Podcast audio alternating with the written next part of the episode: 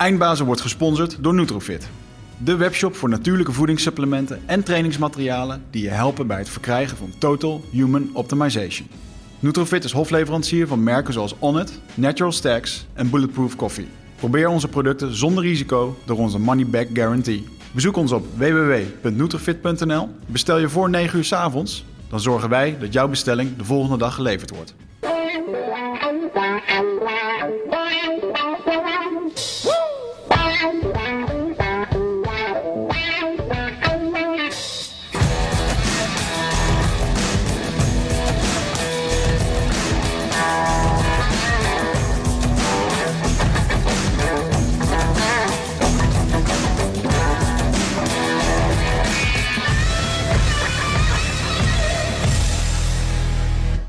Oké, Michel. Ik heb lang, lang uitgekeken naar deze eh, aflevering. Mm. Want we gaan het vandaag hebben over liefde en relaties. Spannend. Tenminste, onder andere. Ja. En ehm, volgens mij vrij belangrijk bij iedereen in zijn leven. Maar ik heb het afgelopen jaar wel heel veel erover gelezen. En eh, getracht om daar ook een beetje de volgende stap in te maken. Hm. Dus ik, laat ik het zo zeggen dat ik daar eh, spiritueel wel wat verder ben gekomen dit jaar. Eh, en daarom vond ik het ook helemaal top dat we de gast van vandaag in de studio hebben. Eh, want die weet er alles van. Eh, en zeker nadat ik zijn boek had gelezen, wat Verslaafd aan Liefde heet.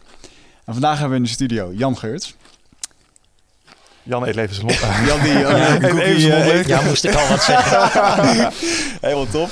Eh, die voelt zich heel thuis in de studio. En ehm, ja, wat ik eh, heel erg bijzonder vind in jouw, eh, jouw boek... en waar ik ook wel moest lachen, was toen ik, het, toen ik het eenmaal aan het lezen was... en ik was het aan het vertellen tegen eh, andere mensen... dan eh, waren er hele gemengde reacties over. Want eh, er staan ook een aantal hoofdstukken in... eh, waarin je bijvoorbeeld spreekt over monogamie. Nou, is natuurlijk in elke relatie is dat een keertje besproken. En dan is dat... dat doen we niet, of dat doen we wel. of het is compleet fout gegaan. En het lijkt me heel erg leuk om je daar vandaag eens eventjes eh, aan, eh, ja, aan de tand aan te voelen wat we allemaal kunnen verwachten of wat we anders kunnen gaan doen in onze relaties. Hm, ja. Ehm, maar waar ik eventjes naar terug wil gaan, want je hebt een aantal, aantal boeken geschreven. Eh, Verslaafd aan liefde, Verslaafd aan denken en De verslaving voorbij. En ik, eh, je hebt nog meer boeken geschreven, maar van waar, waarom komt er verslaving continu in terug? Allemaal eh, eigen, eigen ervaringen. ja. Ben je verslaafd geweest? Ja, ja, zeker. Ja, ja, ja. Aan? Uh, niet roken aan? sowieso, 25 jaar gerookt. Ik heb eh een hele periode heb ik verslaving aan amfetamine gehad, PEP. Hè? Oké. Ehm, Hoe oud was je toen? eh, 35, zoiets al. Dat was, eh, Dat is een bijzondere ik eigenlijk al, leeftijd. ja, was ik al mijn wilde jaren al een beetje voorbij. Maar dat was meer een soort van, soort van zelfmedicatie, omdat ik het toen zo druk had. Ik had toen een, een, een- een gezin met vier kinderen en een, en een baan en een avondstudie en een huis verbouwen. En dat is allemaal zoveel. En Ja. ik kende het middel wel al uit mijn wilde jaren. Uit, toen was ik drummer in een, eh, in een band in Den Haag. En in die tijd gebruikte ik het ook wel, amfetamine. eh, om zo- zo'n optreden te vol te houden. Hè? Want je Ja. zit dan toch eh, een hele avond en nacht zit je eh, te, te hakken hè, als drummer. Wat voor muziek maakten jullie? Vraag ik Blues, af. hè, Oh, was, eh, ruige blues. Hmm. En toen waren de drumstellen nog niet versterkt, dus je moest ophakken tegen, Aha. tegen die eh, torens van Marshall, waar die gitaristen zeg maar, hun, Dus je herrie op maakten. En, eh, dus het was zwaar werk. Dus ik had toen amfetamine had ik een soort van pep om die avonden en die nachten door te komen. Ja. Maar dat, daar bleef het dan bij. En wij hadden maar eens in de twee weken een optreden of zo. We waren niet echt zo'n hele beroemde band toen. En, dus daar bleef het dan bij. En later in mijn, zeg maar, in mijn, vol- in mijn getrouwde leven werd het allemaal wat zwaarder voor me. Wat, wat eh, veel hooi op mijn vork. Ja. En toen kwam dat middel zo stiekempjes weer in mijn leven. Heel voorzichtigjes, weet je wel. Ik was een soort... eh, een soort, eerder een soort zelfmedicatie noemde ik het ook. Hè. De, ik, de hele tijd heb ik gewoon ontkend dat ik verslaafd was. Het was gewoon een soort hulpmiddeltje om de drukte beter aan te kunnen. En, Ja. Dus eh, dat was amfetamine. En eh, ja, natuurlijk seksverslaving hebben bijna alle mannen in ze- zekere zin. Daar kunnen we het nog over hebben overigens. Maar Gaan we het ook zeker doen. Ja. Maar wanneer is iets een verslaving? Als het echt een... eh, Als, Ja. je, als, de, als de problemen die je ermee oploopt groter zijn dan het, dan het plezier wat je eraan hebt. ja, dan pas. Lijkt mij wel, ja. en dan kan ik bij seksverslaving maar aan één ding denken. Zwangerschap. Nee, ja, dat je vreemd gaat. Hmm. Is dat daar een resultaat van? Wat is anders een resultaat van, eh, van wat je net noemde? obs- dat je een obsessief seksleven Ook wil binnen hebben? het of zo? huwelijk kan het, eh, kan het voor een hoop ellende zorgen. Zo, hè? Man moet echt eens per week. eh, vrouw heeft meer behoefte aan intimiteit en Ja. romantiek en, en een soort samenzijngevoel. Oké. ja. Weet je wel, enfin, dat is die tegenstelling die zo'n beetje zeg maar, vagelijk dan tussen mannen en vrouwen. Staat ergens in mijn eh, boek: eh, mannen hebben seks nodig om emoties te voelen. Vrouwen hebben emoties nodig om seksueel zeg maar, actief te worden. Ja. En die twee ontmoeten elkaar nooit helemaal. Dus altijd een soort mannen voelen zich bijna altijd een klein beetje dan tekort gedaan op seksueel gebied. Moeten zo hun best doen om ook een beetje emotioneel te zijn. Vrouwen moeten soms meer, zeg maar, moeten, moeten soms dingen die ze eigenlijk niet echt willen, omdat ze nog geen contact voelen en dat soort dingen. Afijn, we lopen al heel snel vooruit op eh, de inhoud van het boek. Maar ja, true. maar, Maar, dat, eh, dat soort problemen. Maar dat, je, je, je moet eigenlijk, als je het hebt over verslaving, heb je als het ware een soort psychologische definiëring en een spirituele. Mhm. En op psychologisch gebied is een verslaving pas een verslaving als er, zeg maar, als er heel veel dwangmatigheid aan te pas komt en zelfdestructiviteit. Dus, dus dan is zeg maar, het gewone zeg maar, ego-gedrag binnen een liefdesrelatie, of gewoon zelfs zonder een liefdesrelatie, noemen we geen verslaving. Ja. Terwijl vanuit spiritueel oogpunt zit er wel degelijk een, een soort eh, diepe afhankelijkheid achter. En, hè, dus een spiritu- van spiritueel oogpunt is eigenlijk bijna alle seks die niet op een of andere manier al getraind is in het loslaten van allerlei eh, gehechtheden, is, eh, is een soort verslaving. Maar verslavingen komen voort uit een tekort. Ja, maar dat is dus precies. We hebben allemaal Tekort aan liefde, denk ik dan. In dat geval. Ja, ja het, het idee dat we tekort hebben aan liefde. Dus de, de, het, eh, mijn boek gaat over wat is eigenlijk ons zelfbeeld. Alle mensen ontwikkelen in hun jeugd een zelfbeeld, wat ook wel eens ego genoemd wordt. En de kern van dat zelfbeeld is een negatieve overtuiging over jezelf. En de rest van dat zelfbeeld is erop gericht om dat toegedekt te houden. Ja. En je dekt het toe door succes en geld en liefde en erkenning van anderen. Dus zolang je dat maar hebt in je leven, hebben mensen geen negatief gevoel over zichzelf. Als je maar regelmatig leuke contacten hebt en voldoende geld en leuke zinvolle bezigheden. En nogmaals, daar is ook niks mis mee. Maar we gebruiken het ook als toedekking van dat hele diepe gevoel van afhankelijkheid, machteloosheid, waardeloosheid. En dat gevoel wordt heel af en toe in je volwassen leven getriggerd. Namelijk als er een soort gat valt in die toedekking. Ja. En met name dus als je een liefdesrelatie hebt en die loopt stuk. De meeste mensen voelen zich dan ineens heel erg waardeloos, heel erg tekortschieten. Projecteren dat vaak natuurlijk ook op de ander. Dus hangt een beetje af van je karakterstructuur. Sommige mensen gaan zichzelf afwijzen. Ja. Ik ben mislukt, waardeloos, mijn leven is niks. Of de partner is een klootzak of een trut en die, weet je wel, die mij verlaat of wat dan ook. Dus er is altijd heel sterke veroordeling, maar het doet altijd pijn. Ja. Heel veel pijn als, het, als een relatiestuk loopt. Ja. Ja, en die pijn is eigenlijk de pijn die we als volwassene mensen toegedekt houden. Met liefde en erkenning van anderen, met succes, met, eh, met geld soms ook. Nou, wat bij mij echt een eye-opener was, was dat ik... ehm zo bijna 2,5 jaar geleden of zo, dat het uitging bij mij. En, eh, Ja. ja, 2,5 jaar geleden. Nou goed, dat ging toen uit. En ik was daar boos over, jongen. Dat, hè, want ik was net aan het ondernemen. En mm, het ging, om, het ging niet lekker met ondernemen trouwens. En nu kijk ik daar op een andere manier naar. Want toen dacht ik gewoon van... hey, jij verlaat mij. Ik loop hier de boel te regelen. En ik ben allemaal dingen aan het doen. En ik ging allemaal opcijferen... wat ik de afgelopen vijf jaar wel niet voor haar had Ja, gedaan. ja, typisch mannelijke energieën. Ja. Terwijl zij gewoon als vrouw dacht... hé, hey, maar Wigert, ik ben gewoon niet gelukkig. En Ja, ja, ja, ik ben al gewoon dat- nu niet Al gelukkig. die dingen je? die je deed waren voor haar juist eerder een soort van hij is nooit bereikbaar. Waarschijnlijk, ja, waarschijnlijk. Ja, Ja, ja, ja, maar op dat- voor haar zogenaamd, maar ondertussen... Ja, maar goed, op dat, op dat moment eh, was ik daar boos over. En toen ik heb ik ook zitten wijzend doen. En, en nu kan ik daar gelukkig met wat eh, meer eh, spirituele kennis... kan ik daar wat beter op kijken. En zie ik inderdaad van... joh, maar jij was ook gewoon niet gelukkig in je eigen vel. En daarom was je ook... Je ging nergens meer naartoe, want het ging altijd over geld. Of juist geen geld Ja, hebben. ja. Of het ondernemen en het stress en noem het maar op. En ja, op het moment dat je zelf niet lekker in je vel zit... en je bent niet gelukkig met jezelf... dan ga je dat ook niet bij iemand anders vinden. Mhm. En ehm, vervolgens heb ik ook nog wel even een moment gehad waarbij ik eh, iemand heel erg leuk vond. En waarbij ik achteraf in één keer denk van... maar de reden waarom ik haar leuk vond, was omdat zij een aantal dingen had die ik niet had. Mhm. Het was een bepaalde rust, een bepaalde tevredenheid met allerlei dingen. En ik dacht, ah, nou, dat is relaxed. Dus dan, dat is tof. Zij heeft Mhm. dat. En dan, hè. En eh, het is wel grappig dat je op een gegeven moment, eh, ehm, als je dat op een gegeven moment gaat beseffen, dan kun je daar wel een hele mooie groei in maken. En nu heb ik daar wel echt een helikoptervisie boven. En kan ik, vind ik het heel grappig hoe dat soort systemen en processen eh, werken. Om eens een keer van een afstandje te kijken van wat gaat er nou eigenlijk in je om als je bijvoorbeeld verliefd bent. Mhm. En nu is dat toevallig zo. ik ben nu verliefd op dit moment. En Mhm. als ik volgens jouw woorden en volgens de, nou, volgens de spirituele ehm, woorden het moet zeggen, dan bestaat verliefdheid eigenlijk niet. Oh, verliefdheid nee, is, is iets wat je bent- niet zeggen. maar je bent altijd, als jij helemaal zonder al het ego, en we trekken alles eraf, dan ben jij de gelukkige Jan. En ehm, dan ben je toch eigenlijk altijd al verliefd.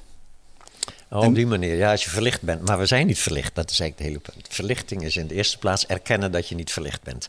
Nee, oké, maar ik heb Dat. het niet over verlichting, maar over verliefd zijn. Ja, maar je zegt dan als je helemaal geen ego hebt, dan ben je altijd al verliefd. Maar het hele ego is niet iets wat je zou moeten kwijtraken. Nee. Dat is een, dat is een misvatting. De- dat hele verhaal over dat ego voor problemen zorgt, is zo zolang je niet doorhebt Hmm. dat, het, dat je als het ware een aangeleerde constructie beschouwt als jezelf. Ja? Dus om te vo- voorkomen dat die constructie aangeleerd wordt, dat is niet de oplossing. Het is, je kan niet voorkomen dat kinderen een ego aanleren. Zelfs Nee. de meest zeg maar, heldere, liefdevolle ouders kunnen niet voorkomen dat een kind een menselijke identiteit ontwikkelt. En dat is ook heel normaal. Er zijn gevallen bekend van kindertjes die geen ego ontwikkelden, omdat ze door dieren werden opgevoed. Maar dat zijn dan diertjes. Wat grappig. Ja. Ja, die hebben geen enkel, ge- ontwikkelen geen taal bijvoorbeeld. Ja, en dus ook geen menselijk zelfbeeld. Ja. Ja, dus het is, eh, en die zijn daar beslist niet gelukkiger door. Dus eh, nee, ego moet aangeleerd worden. Dat is gewoon menselijk. Het Ja. hoort bij mens zijn is een zelfbeeld. Met een naam en een levensgeschiedenis en hoop en vrees. Al die dingen Ja. horen erbij. Alleen, je leert het in je jeugd zonder dat je doorhebt dat je iets aanleert... wat niet helemaal samenvalt met wat je werkelijk bent. ja. En als volwassene kun je erachter komen, en doorgaans komen mensen daar pas achter, na flink wat shit. Ja. Ja. want dat ego levert dan een hoop problemen op, omdat je niet doorhebt dat het een aangeleerde constructie is.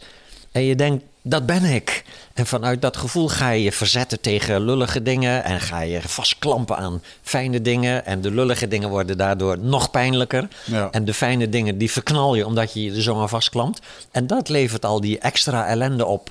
Die dus niet het gevolg is van ego, maar van de identificatie met ego zonder dat je het doorhebt. Ja.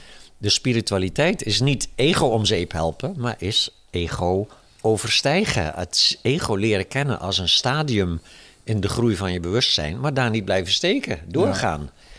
En dan wordt ego, wordt, in plaats van dat je dat bent, wordt een soort eh, rol, een soort spel, Spel. wat je speelt in de wereld. En, en dus de, de pijnlijke kanten verdwijnen eruit, omdat je je niet meer identificeert ermee. Omdat je als het ware ontspannen blijft. Ook in situaties die misschien anders nog pijnlijk zouden zijn, of waar je in de stress of in de angst schiet, die kun je herkennen als gaat niet over mij.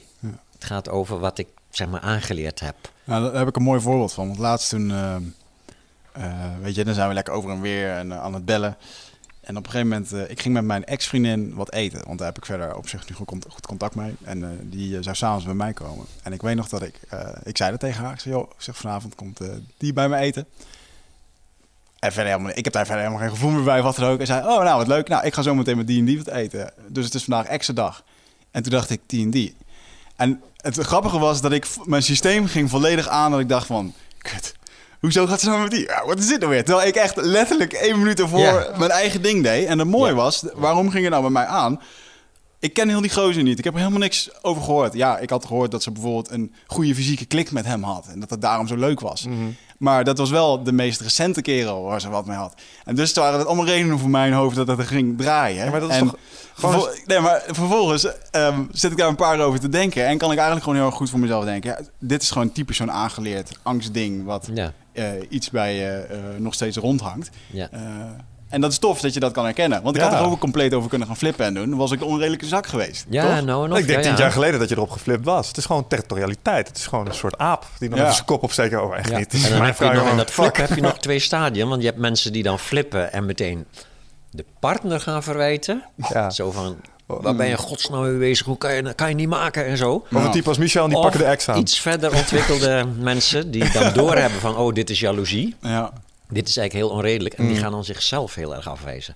Wat, wat lullig van me dat ik dit gevoel heb. Mm. Ja? En dan gaan ze zichzelf heel erg op hun kop geven... omdat ze die jaloerse gevoelens hebben... die daarover alleen maar erger door worden. En je moet er gewoon om, om lachen, want dat is het En spel dat dan, is hè? dus natuurlijk... Ik dan zeggen. is, hè, de humor brengt jou als het ware in die ruimte eromheen... dat je het gevoel kunt herkennen... en dat je het niet kunt hoeft te bestrijden... en eh, je hoeft er niks tegen te doen... en dan gaat het vanzelf over. Ja. Maar ik, ik vond het wel heel grappig dat je dan... ehm, ik denk vijf jaar geleden zat ik bijvoorbeeld in een relatie... waar ik een vriendinnetje had, wat, die kwam uit een... eh, hoe noemen we dat? Een, eh een traumarelatie, hè? Met een, oh, er was een hoop vreemd gaan en dit en noem het dan maar op. Dus iemand komt een soort van getraumatiseerd bij jou en vervolgens krijg jij hem mee. En je krijgt aan het begin van zo'n relatie krijg je allemaal voorwaarden en dingetjes en waarom iemand, waarom we bij elkaar passen en waarom het zo fijn loopt, want jij bent niet zo en we zijn allemaal haakjes in elkaars eh, lichaam aan het steken, zo van ja, dan dit en dit, allemaal afhankelijkheden van elkaar en eigenlijk ben je gewoon helemaal afhankelijk van elkaar aan het Ja. worden door allerlei Mhm. randvoorwaarden. Ja. En het is wel makkelijk om, eh, om daar nu eh, boven te kunnen hangen. En dat je er gewoon objectief naar kan kijken. En dat je dit soort dingen ook kan bespreken. Ja, dat, daar moet ik erg om lachen als dat ik, dat ik het nu zo kan ervaren. Mhm. Dus jouw boek was daar... eh, eh, eh, ja, vond ik daar heel helder de dingen over, over beschrijven. Ehm, wat ik daar eigenlijk wil... waar ik naartoe wil gaan is op het moment als wij iemand leren kennen... Wat is dan die verliefdheid? Ja, wat er, wat er gebeurt als je verliefd wordt op iemand, is eigenlijk gebeuren de twee dingen tegelijkertijd. Ik zei net al, onze identiteit is gebaseerd op een heel diep gevoel van tekortschiet, van zwakheid, van machteloosheid. Overigens, dat komt omdat we allemaal een babytijd hebben gehad. En in die babytijd ben je zwak en machteloos en afhankelijk. Ja. En is er een heel diep gevoel van onzekerheid als, eh, als het kind alleen gelaten wordt. Ja, niet meteen, maar naarmate het kind langer alleen is, gaat het zich angstiger en onzekerder voelen. Meestal gaat het kind dan huilen en dan komt moeder, knuffelt, geeft eten en zo, geeft liefde en dan is er weer ontspanning. Dus wat wij in onze vroegste maanden van ons leven leren is, je goed voelen komt van een ander. Van jezelf ontstaat alleen maar uit jezelf ontstaat angst, afhankelijkheid, behoeftigheid, machteloosheid. Komt er van een ander, komt er liefde en erkenning. In het begin is dat natuurlijk de moeder, maar dat breidt zich geleidelijk aan uit met vader en dan ooms en tantes, broertjes, zusjes, klasgenootjes, dat soort dingen. Het gaat allemaal over erkenning, over Ja. hè, eh, eh, be- zeg maar, ehm, liefde en erkenning krijgen van anderen. Dat geeft jou een gevoel van ik mag er zijn. En als dat te lang ontbreekt en je kan een willekeurige westerling kan je een half uur in een kamer zetten zonder tv, radio, telefoon in stilte en hij gaat zich rottig voelen. Ja? Ja. En dat heet dan dat je jezelf dan tegenkomt. Dus dat is dat hele diepe gevoel wat we allemaal bij ons hebben. En wat we als volwassenen dus nooit meer willen voelen. En we zijn dus, dat is als het ware de motor achter al dat streven naar leuke relatie, goede baan, weet je wel, leuk huis, al die dingen. Die dus op zichzelf niet verkeerd zijn. Het leuke huis en de leuke baan en de leuke relatie, dat mag. Alleen zolang je niet doorhebt dat je daaronder alsmaar dat, dat, zeg maar, dat onjuiste gevoel hebt van dat je eigenlijk niet zonder die dingen zou kunnen leven. Ja. Ja, dat levert die, die zeg maar, een soort, soort van dwangmatigheid op in de patronen. Nou, dus wat gebeurt er als je verliefd wordt op iemand? Dan drukt iemand op die allerdiepste knop van afhankelijkheid, behoeftigheid. En dat doet hij omdat er bepaalde kenmerken zijn die overeenkomen met de afwijzende ouder. Met de, de ouder van het andere geslacht. Ja? Soms zijn die niet zo goed te herkennen, soms wel. Ja, maar die, dus dat, dat drukt op die allerdiepste knop van machteloos, waardeloos, Zeg je nou dat we allemaal onder de streep eigenlijk diep van binnen een Oedipus-complex hebben? Eh, dat is wel heel, Als weer man heel zijnde? psychologisch. Ja, ja, Oedipuscomplex. Dat is weer dat? net iets anders, maar, maar het, Wat je- dat? ja, ja je, je brengt me in de war, want het is weer een heel ander verhaal, Oedipuscomplex. Ja, nee, maar ik snap wat je zegt. Nee, dat is Ja. een, eh, dat is een Nee, aandoening waarbij dat- je volgens mij je vader haat... omdat je eigenlijk heimelijk naar bed wil met je moeder. Zoiets is het. Ja, Maar hij dat- zegt, ja, je, awkward. je, je, je valt in principe op aspecten in je partner... die je herkent vanuit je ouder, hoor Ja, is onbewust. Maar tegelijkertijd ge- geeft. Dus, de- dus je valt op iemand die een paar kenmerken heeft die overeenkomen met de ouder van het andere geslacht. Maar tegelijkertijd gaat, belooft deze jou te zullen liefhebben. Dus er zit een soort van. Deze gaat goed maken wat vroeger niet goed was. Deze gaat, weet je wel, al mijn tekorten aanvullen. Dat gevoel dat iemand jou vervult. Soms noemen mensen dat ook expliciet. je maakt me de gelukkigste vrouw van de wereld of man. Ja, alsof de ander dat doet. Hè? En, ehm, dus, dat, dus dat is eigenlijk wat twee dingen tegelijk. Er wordt op die diepe knop van behoeftigheid gedrukt. En de andere wekt de suggestie die behoeftigheid te zullen vervullen. En die twee samen zijn dus onweerstaanbaar. Dat is zeg maar, zo'n sterke attractie gaat daarvan uit. En je kan, ook zo, je kan het ook meteen controleren. Want ik gebruik altijd het gedachte-experiment van... oké, stel je bent een single zonder een liefdesrelatie en je hebt je leven goed voor elkaar. Je hebt een leuke baan, je hebt genoeg geld, leuk huis om in te wonen, leuke vriendschappen. Misschien af en toe een, een affairetje, maar zonder liefde.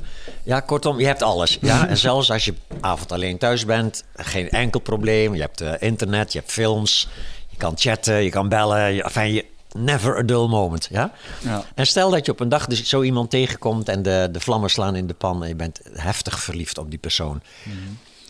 En stel dat dat een paar weken zeg maar, in je hoofd zo doorgaat. Stel dat het de collega's die je zo bijna elke dag ziet. En af en toe zien jullie elkaar en de vonken schieten over. En dan stel dat op een dag je besluit om je move te maken en je spreekt haar aan en je bent van de type wat direct is, dus geen flauwekul eromheen, maar je zegt maar ik vind jou gewoon zo ontzettend leuk en, en zullen we eens afspreken. Ja. En stel nu dat ze reageert subtiel met een, trouwens. met een duidelijke afwijzing. Dus niet alleen maar een beetje van ik ben getrouwd of iets dergelijks, want dat maakt tegenwoordig al niet zo heel veel meer uit. Maar echt van hoe kom je erbij? Weet je wel, ik zie helemaal niks in je. Nee. Oké, dat is natuurlijk een teleurstelling. Maar die persoon die had een heel prima leven. Hij wordt verliefd. Het gaat niet door. Je zou zeggen van oké, jammer dan. Terug naar dat heerlijke, leuke, gezellige, goed gevulde single bestaan. Maar Ja. je weet al wat er gebeurt natuurlijk. Ja. Na, die, na die affaire komt er een down. Want de belofte wordt niet vervuld, maar de behoeftigheid is wel getriggerd. Dus zo iemand zal weken, of misschien wel maanden, het niet meer zo leuk vinden om alleen thuis te zijn. Zijn vriendschap, nou ja, weet je wel, ook een beetje een soort van dat, dat gemisgevoel. Snap je wat ik bedoel? Dus er is een gemisgevoel getriggerd door die persoon, maar het wordt niet vervuld. Ja. Nu, wat er gebeurt als het wel vervuld wordt, als de ander zegt: Oh, wat leuk, ik vind jou ook heel erg mooi en bijzonder en leuk. Dat is zeg maar de jackpot op ego-gebied. Want ego zoekt liefde en erkenning van een ander, maar vooral van iemand die liefde en erkenning van mij nodig heeft. Ja. En dan ontstaat die wisselwerking van dat je heel, je ego ontspant, als het ware, even helemaal. Krijgt even helemaal zijn zin. Dat wat hij heel zijn leven lang al bedacht heeft: van ik heb een liefde nodig om me goed te kunnen voelen. En nou krijgt hij hem. En Ja. dan is er een tijd lang is er dus verliefdheid, euforie. Het stroomt nog, de liefde stroomt nog. En dan zie je dus merkwaardige verschijnsel dat, dat die liefde die is zo. Mensen denken dus dat die liefde van die ander komt. Maar dat is dus projectie, want de liefde komt altijd uit jezelf. Ja, wil, je kan niet een gevoel van een ander krijgen. De, jouw de gevoel. gevoelens komen uit jezelf. De ander is een soort voorwaarde waaraan voldaan wordt, waardoor je je, zeg maar, je streven eventjes loslaat. Je krijgt ineens wat je altijd verlangd hebt. Ego ontspant zich heel even. Ja, en in die ontspanning van die aangeleerde zoekidentiteit ontstaat dat geluksgevoel. Maar onmiddellijk denk je, dat komt door haar of door hem, als, weet je wel. Het komt door die ander dat ik mij zo goed voel. Maar de ander, en het is niet eens helemaal onjuist, de ander is de voorwaarde waaraan voldaan wordt, waardoor jij je kunt ontspannen, waardoor je je zo gelukkig voelt. Maar je, je hebt niet door dat het uit jezelf komt. Dus je projecteert nog steeds op die ander. Ja, en dat is wat ego is. Altijd projecteren op een ander. Het is wel grappig om te weten dat kinderen, baby's, zeggen veel en veel eerder mama dan ik. Ja, dus in onze psyche wordt de ander is er eerder dan de ik. Het ik-besef. Dat ik-besef wordt als het ware ontwikkelt zich aan een ander. Aan de moeder, aan de vader, evenvele andere kinderen in huis, klasgenootjes en dat. Ja, je ontwikkelt je zelfbeeld aan anderen. Dus dat zit er heel diep ingebakken. Dat, dat je je geluk, je eigenwaarde, je goed voelen ontleen je aan hoe anderen met jou omgaan. En dat is dus ook weer wat jij manipuleert. Dus in die, lief- in die verliefdheid, die wederzijdse verliefdheid, zul je vanaf dag één elkaar gaan manipuleren om elkaar niet kwijt te raken. En je kent het hele spel, je hebt zo'n leuke avond gehad, er is wederzijdsheid uitgesproken, misschien heb je al wat gevreden en zo, Je- en je komt thuis in je eigen huis, want dan heb je nog een eigen huis, hè? Ja. En dan heb je, ben je eerst heel gelukkig en weet je wel, je helemaal een soort euforisch van geluk en je denkt alleen maar aan haar. En dan natuurlijk kan een paar uur duren of een halve dag, maar dan komen er ook de eerste angstgedachtetjes, onzekerheidjes van zou het echt wederzijds zijn? Of zou dit voor de ander misschien toch maar gewoon een leuke avond geweest zijn terwijl ik zo verlang naar weer iets. En, en dan weet je wel, ja, zal ik dan nu al iets laten weten? Maar ja, misschien als de ander dan denkt van, nou, daar is die nou al, weet je wel. Een soort van, het is een heel erg hoop en vrees spel. En misschien dat je dan na een paar uur hou je het gewoon niet meer. Dan stuur je je eerste sms'je. Ik vond het leuk, hoe gaat het met je? Op een bevestiging. En alsof je, alsof je geïnteresseerd bent in de ander. Maar je wil een bevestiging. Ja, ja, Je wil ja. horen, ik vond het ook leuk. Ja. En dan ontspan je weer even, voel je weer even geluk. Ja. Ja, maar na een half uur of een uur is hè, het hangt een beetje af. De mensen hebben een verschillend niveau van zeg maar onzekerheid. Dat hangt af van wat je in je jeugd hebt meegemaakt. Ja. En je, die onzekerheid zou je kunnen uitdrukken in de sms-factor. Ja, voor de ene mens is dat misschien vijf sms'jes per dag. Ja. Ja, maar stel dat jij iemand hebt ontmoet die een factor heeft 20 sms'jes per dag. Daar ik gek van. Dan heb je misschien na een paar uur denk je al van... Hè, je hebt een sms gestuurd en je krijgt er al drie terug... Voor, voordat je eigenlijk al de tijd krijgt om te reageren. En Dat alle, is- alle drie hebben ze zoiets van... hoe gaat het met je en hoor ik nog wat van je en dat soort dingen. Dat is vaak een Dan slecht ga je nattigheid voelen. Ja. Dan denk je, oeh, plakband. oeh, oeh. Maar als het andersom is, stel dat jij een, een, een factor 20 hebt van onzekerheid... en je stuurt een sms'je van, van, uit onzekerheid... en er komt geen antwoord, dan weet je wat er gebeurt. Dan verdubbelt je onzekerheid. En dan een uur later hou je het gewoon niet meer. Nee, ik moet het weten gewoon. Ik kan dit niet meer aan. En stuur je nog een sms'je. Weer geen antwoord. Ja, je wordt helemaal gek van onzekerheid. Ja. Maar Ja, het- en- ik vind het mooi hoe dat het... ehm, want ik herken nu wat je zegt. Want daar zit ik middenin. Ja. In de zin, alleen... Ik ben me er bewust van dat het gebeurt, maar er zijn ook momenten dat ik gewoon dat, niet, dat je het dus niet beseft. Ja, ja, dat je er gewoon in mee wordt getrokken. Het is echt diep erin gehamerd, als het ware. Een bijteltje. Ja, ja. Ja, en soms is beseffen, dat is het punt, beseffen dat het gebeurt is een vooruitgang. Daar is, zit een zekere groei van bewustzijn in. Maar groei van bewustzijn gaat altijd nog via een andere valkuil en dat is de dissociatievalkuil. Dus bijvoorbeeld op het moment dat je dit soort dingen doorkrijgt, ga je ze bestrijden in jezelf. Dus zodra je die onzekerheid dan voelt, en je weet al van, oh, dat is mijn ego die gerustgesteld wilt worden. Dat, wat stom, weet je wel. Wat slap van mij. Wat lullig. Dan moet ik echt niet, mag niet, weet je wel. Dan ga je heel erg jezelf op je kop geven over je eigen onzekerheid. En, en, en dan heb je waarschijnlijk, wordt de onzekerheid daar alleen maar erger door. Dus na een paar uur geef je het gewoon op en stuur je alsnog dat sms'je. Om, van je, om van je zelfafwijzing af te komen. Ja, en anders dan ga je dit wegduwen en dan word je zo'n man die, die nooit zijn emoties kan tonen. Dus dan gaat de relatie, op die reden, dan gaat die stuk. Nou, dat, dat vind ik wel grappig, dat je probeert het te controleren door een soort van... Hè, dan ga je sms'jes lopen sturen, dan controleer je dat. En op het moment dat je dan bewust van wordt, oh, dat moet ik niet doen... dan ga je inderdaad helemaal lopen... De need for control lijkt overal wel te zijn, Ja, ook voor ja, het spirituele, ja, dat je net vast kan houden. Ja, ja. ja. ja, dus na de dissociatie komt de overstijging. Dus eerst is er wakker worden omdat een ego-patroon of een gewoontetje ellende oplevert. En je wordt je daar bewust van, door de ellende eigenlijk. Je voelt ineens van, oh shit, dit doe ik zelf, weet je wel. Daarvoor had je altijd de ander verweten als jij je ongemakkelijk voelt. Maar dat krijg je door, oh, dit doe ik zelf. Ja, en dan krijg je die eerste valkuil, daar moet ik dus iets aan veranderen. Ik moet mezelf veranderen, ik moet zelfstandig worden. Ik moet wel, sterk worden hierin en, en onafhankelijk en zo. En dan ga je je, je onzekerheidjes ga je wegduwen of bestrijden. Ja, en dat levert dan meestal weer nieuwe ellende op. En pas dan kan je doorkrijgen, oh shit, wacht even, dit is hem ook niet. En dan ga je liefdevolle vriendelijkheid en helderheid ontwikkelen. Dat is eigenlijk de spirituele kant. ja.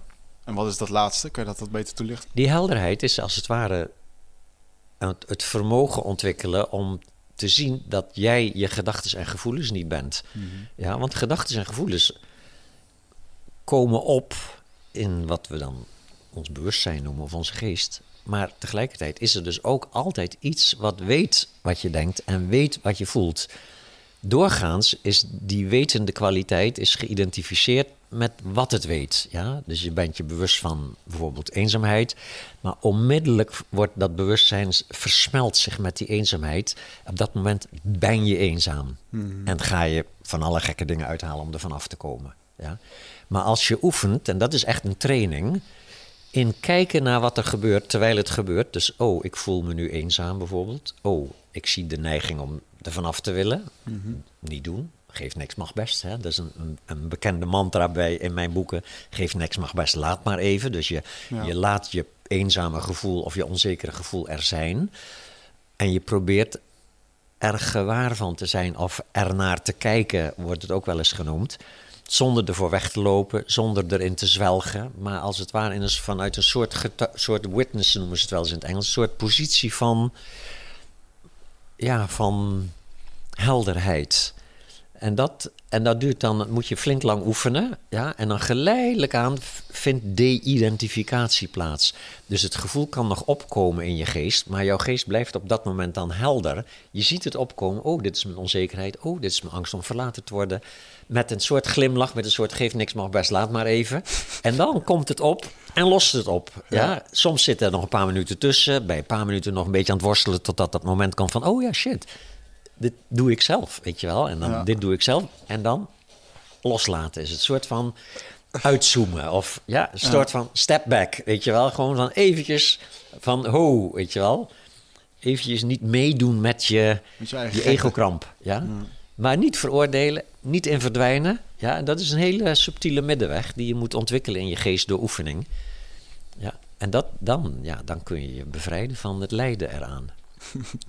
Het lijden, ja, dat is Ja. eh, een mooi woord daarvoor. Ja. Hmm. Hoe lang eh, doen we erover? Kunnen we bij jou een cursus volgen? Dat Ja, dan, ja, ja. eh, Dat, ik geef cursussen daarin, inderdaad. En ik heb er zelf een jaar of twintig over gedaan. Dus. ja, dat is toch best wel wat. Maar tegelijkertijd, als je dat hoort, denk je... oh, twintig jaar, weet je wel, dat eh, wat vreselijk lang en zo... daar heb ik geen zin in, geen tijd voor. Maar dat, zo werkt het natuurlijk niet. Nee. Je begint eraan en je merkt vrij snel gewoon dat het begint te werken. En het begint natuurlijk te werken bij de wat minder heftige gevoelens. Ik bedoel, dit soort relatie... eh, knoppendrukkerij is ook meteen wel de allermoeilijkste, allerpijnlijkste om mee zeg maar, spiritueel boven te kunnen blijven hangen. Hè, maar het begint al met gewoon, ja, van dat je met een lekke band langs de snelweg staat en dat je daar de humor dan van kunt inzien. En in, in plaats van dat je begint te schelden op de wegenwacht of op jezelf, omdat je die banden niet hebt laten controleren, weet je wel, dan dat je daar staat en dat je gewoon, ja, bijna een soort van, oké, weet je wel, dit is weer eens een andere avondbesteding. ja, het is Ja, onwijs uur wachten op de wegenwacht. Het is onwijs training. Ik ben toevallig net met een eh, experimentje bezig. Eh, vorige maand had ik een leuke gedaan. Had ik 21 dagen dynamic meditation gedaan. Van eh, een meditatievorm van Osho. Ja, super tof, weet je wel. Leuk om gedaan Ja, te hebben. is, en best wel heftig. ja is Ehm, heftig, ja. En ehm, nu ben ik begonnen aan een nieuw experiment. En dat is 21 dagen niet klagen. En dat eh, komt uit een eh, Amerikaanse... eh, of het idee komt van een Amerikaanse auteur. Die had van die... Weet je die Neil Armstrong van die bandjes? Nou, hij heeft het ook Oh, gewoon een boek ja, geschreven ja. met van die bandjes. Iedere keer als je klaagt... ehm, en je kunt het al zeggende doen of in je hoofd doen... dan verwissel je het bandje naar je andere arm... en gaan er 21 dagen opnieuw in. Ah, oké. Nou, ik ben er nu twee weken mee bezig. En de max is drie geweest. En ehm, de eerste keer dat ik echt klaagde was inderdaad omdat een of andere... eh, shit, nu deed ik het weer. Ja. Reset. Dan ga ik het ook gewoon zeggen, een of andere oedelul bijna op mij inreed op de snelweg. En Ja. dat ik daar dus... eh, ja, hij deed het waarschijnlijk ook niet expres, maar Ja. zo kwam het wel op mij over. En, maar ik vind het wel heel erg goed dat iedere keer, zelfs als ik het nu denk... corrigeer ik mezelf erop. En het is ook echt een cognitieve eh, Ja. programmering die je aan het herstructureren bent. Ja. Dus je, je moet het trainen. Ja, nee, dat is prima. Alleen eh, moet je wel oppassen dat, dat zeg maar, de, de training niet alleen, te veel, dat niet alleen in je hoofd zit.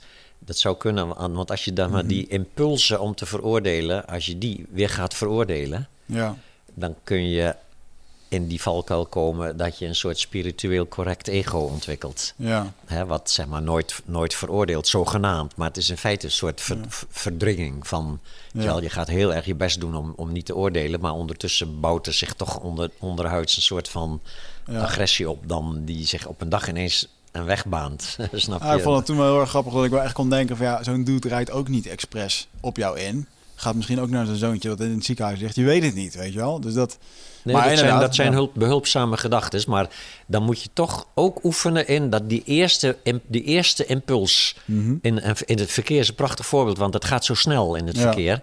En eh, ik heb in het verkeer ook nog steeds, als ik eh, als tweede auto bij een rood stoplicht staat, het springt op groen, ik zet aan om weg te rijden en de ander blijft staan. Dan, ah, weet je wel, dat is ook zo. Nou komt er zo'n golf Gaat van woede de in me omhoog. Een soort van, op je- weet je wel, soort echt boos van rij nou, weet je wel, het staat op groen. Ja, Dat, en dat, dat gewoon herkennen. En, daar, en, daar, en dan met, weet je wel, twee momenten later herken je het. Dus meestal kom ik al niet meer op die klakson. Nee. Dan denk ik al, oh ja, oké, weet je wel. En dan, en dan mag ik daarna een heel beleefd toet. Weet je, heel klein klaksontje. Ja, je wil, doe iemand je. zit misschien zijn krant te lezen of wat Oh, dan ook. Dan, ja. dan mag ik wel toeteren, maar dan is het geen kwaad toetertje meer, maar een heel vriendelijk.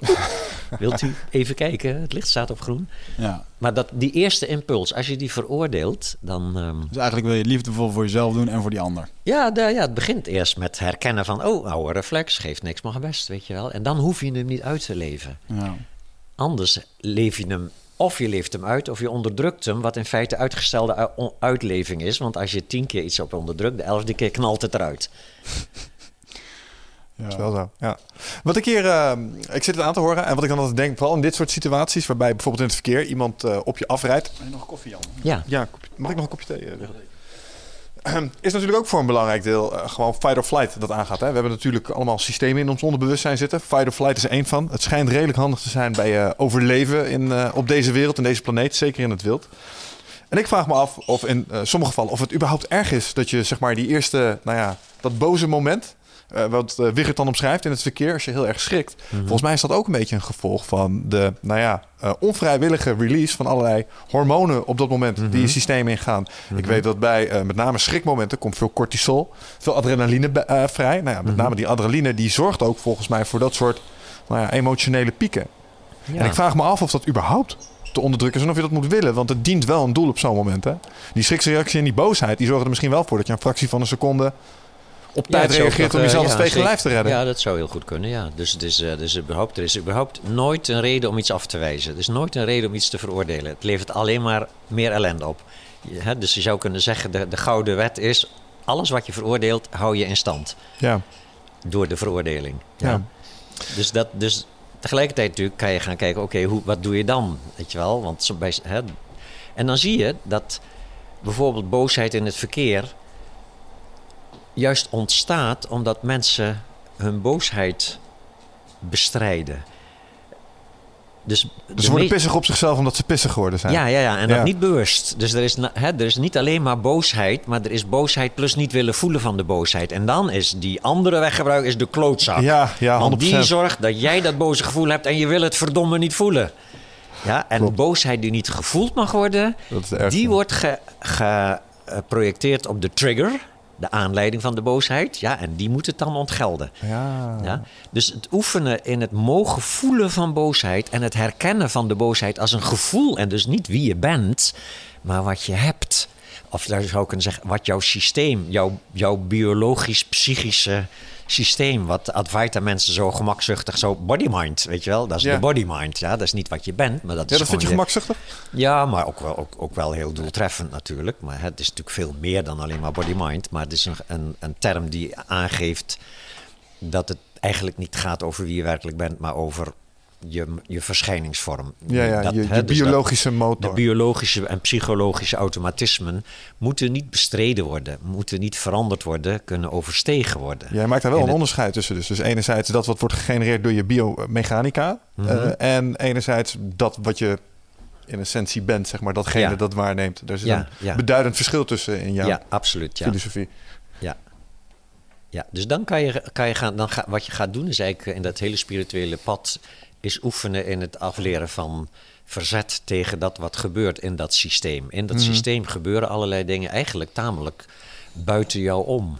Ja. Het lijkt wel heel erg alsof jij dat bent, maar dat is precies het onderdeel van het probleem. Je, je identificeert je ermee. Zelfs je gedachten zijn niet wie je bent.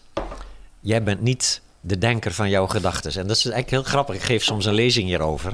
En dan vertel, zeg ik aan mensen: oké, Maar help me daar eens dan een beetje mee. Want daar, worstel, zou- ja. daar worstel ik wel eens mee. Ja, Als ik dan denk, wie, wie ben ik dan, zeg maar? En dan Nou, hebben we allerlei moeilijke gesprekken met mensen hier al eens over gehad. En dan kom je snel in eh, eh, vrije wil en eh, cognitieve dissonantie achteraf en dat soort dingen. Maar dan denk ik nog steeds, ja, maar er zit hier ook een jongen en die heeft een soort gesprek telkens met zichzelf of zo. Alleen ik weet niet wie van die twee kanten nou eigenlijk ik is. ja. Degene die de vraag stelt of degene die antwoordt. Dat, ja, dat hele punt van denken. Hè. Denken is een heel merkwaardig verschijnsel. Wat helemaal, zeg maar, heel erg aan de, aan de wortel ligt van onze zeg maar, onjuiste perceptie van de werkelijkheid. Ja, namelijk, we denken dat er een, een echte ik is. en een echte werkelijkheid buiten die ik. Ja? En, die, en dat je dus die echte ik, die moet zich gaan beschermen tegen de negatieve uit, eh, effecten buiten zich en moet zich gaan zeg maar, vastklampen aan de positieve kanten. Hè? Dus dat, en dat levert dan weer allemaal ellende op. Ja. Dus op een heel fundamenteel niveau kun je dat kun je gewoon onderzoeken. Dat hele idee dat jij dus als het ware degene bent die jouw gedachten denkt, is, is volstrekt uh, onjuist. En dat is heel simpel te constateren. Als ik bijvoorbeeld op dit moment het woord banaan uitspreek, denk jij heel even aan een banaan. En vervolgens heb je het, het, idee dat jij de denker bent van die banaan. Mhm. ja? Terwijl jij geen enkele invloed had op die gedachte. Je besloot niet om een banaan te denken. Dat ging helemaal buiten jou om. Ja? En de hele dag door gebeurt er bijna niks anders dan dat. Je loopt over straat, je hebt aan één stuk door heb je impulsen, prikkels, ja, die gedachten opwekken. Sommige gedachten verwijzen naar gedachten die je al eerder gehad hebt in situaties die toen ongemakkelijk waren. En hup, er is een ongemakkelijk gevoel bij. Gaat allemaal vanzelf. Maar bij elke gedachte en bij elk gevoel is er meteen daarna, dus een, zeg maar, een fractie van een seconde nadat de gedachte opkomt, is er het gevoel dat ik de denker ben van die gedachten. De verantwoordelijke, de eigenaar, de, het slachtoffer ook vaak. Mhm. ja, en dat is een illusie. Die bijna non-dualistisch dit. Ja, dus die, de, de, illusie dat er een denker is en een wereld waar de denker over denkt dat, en dat dat gescheiden is.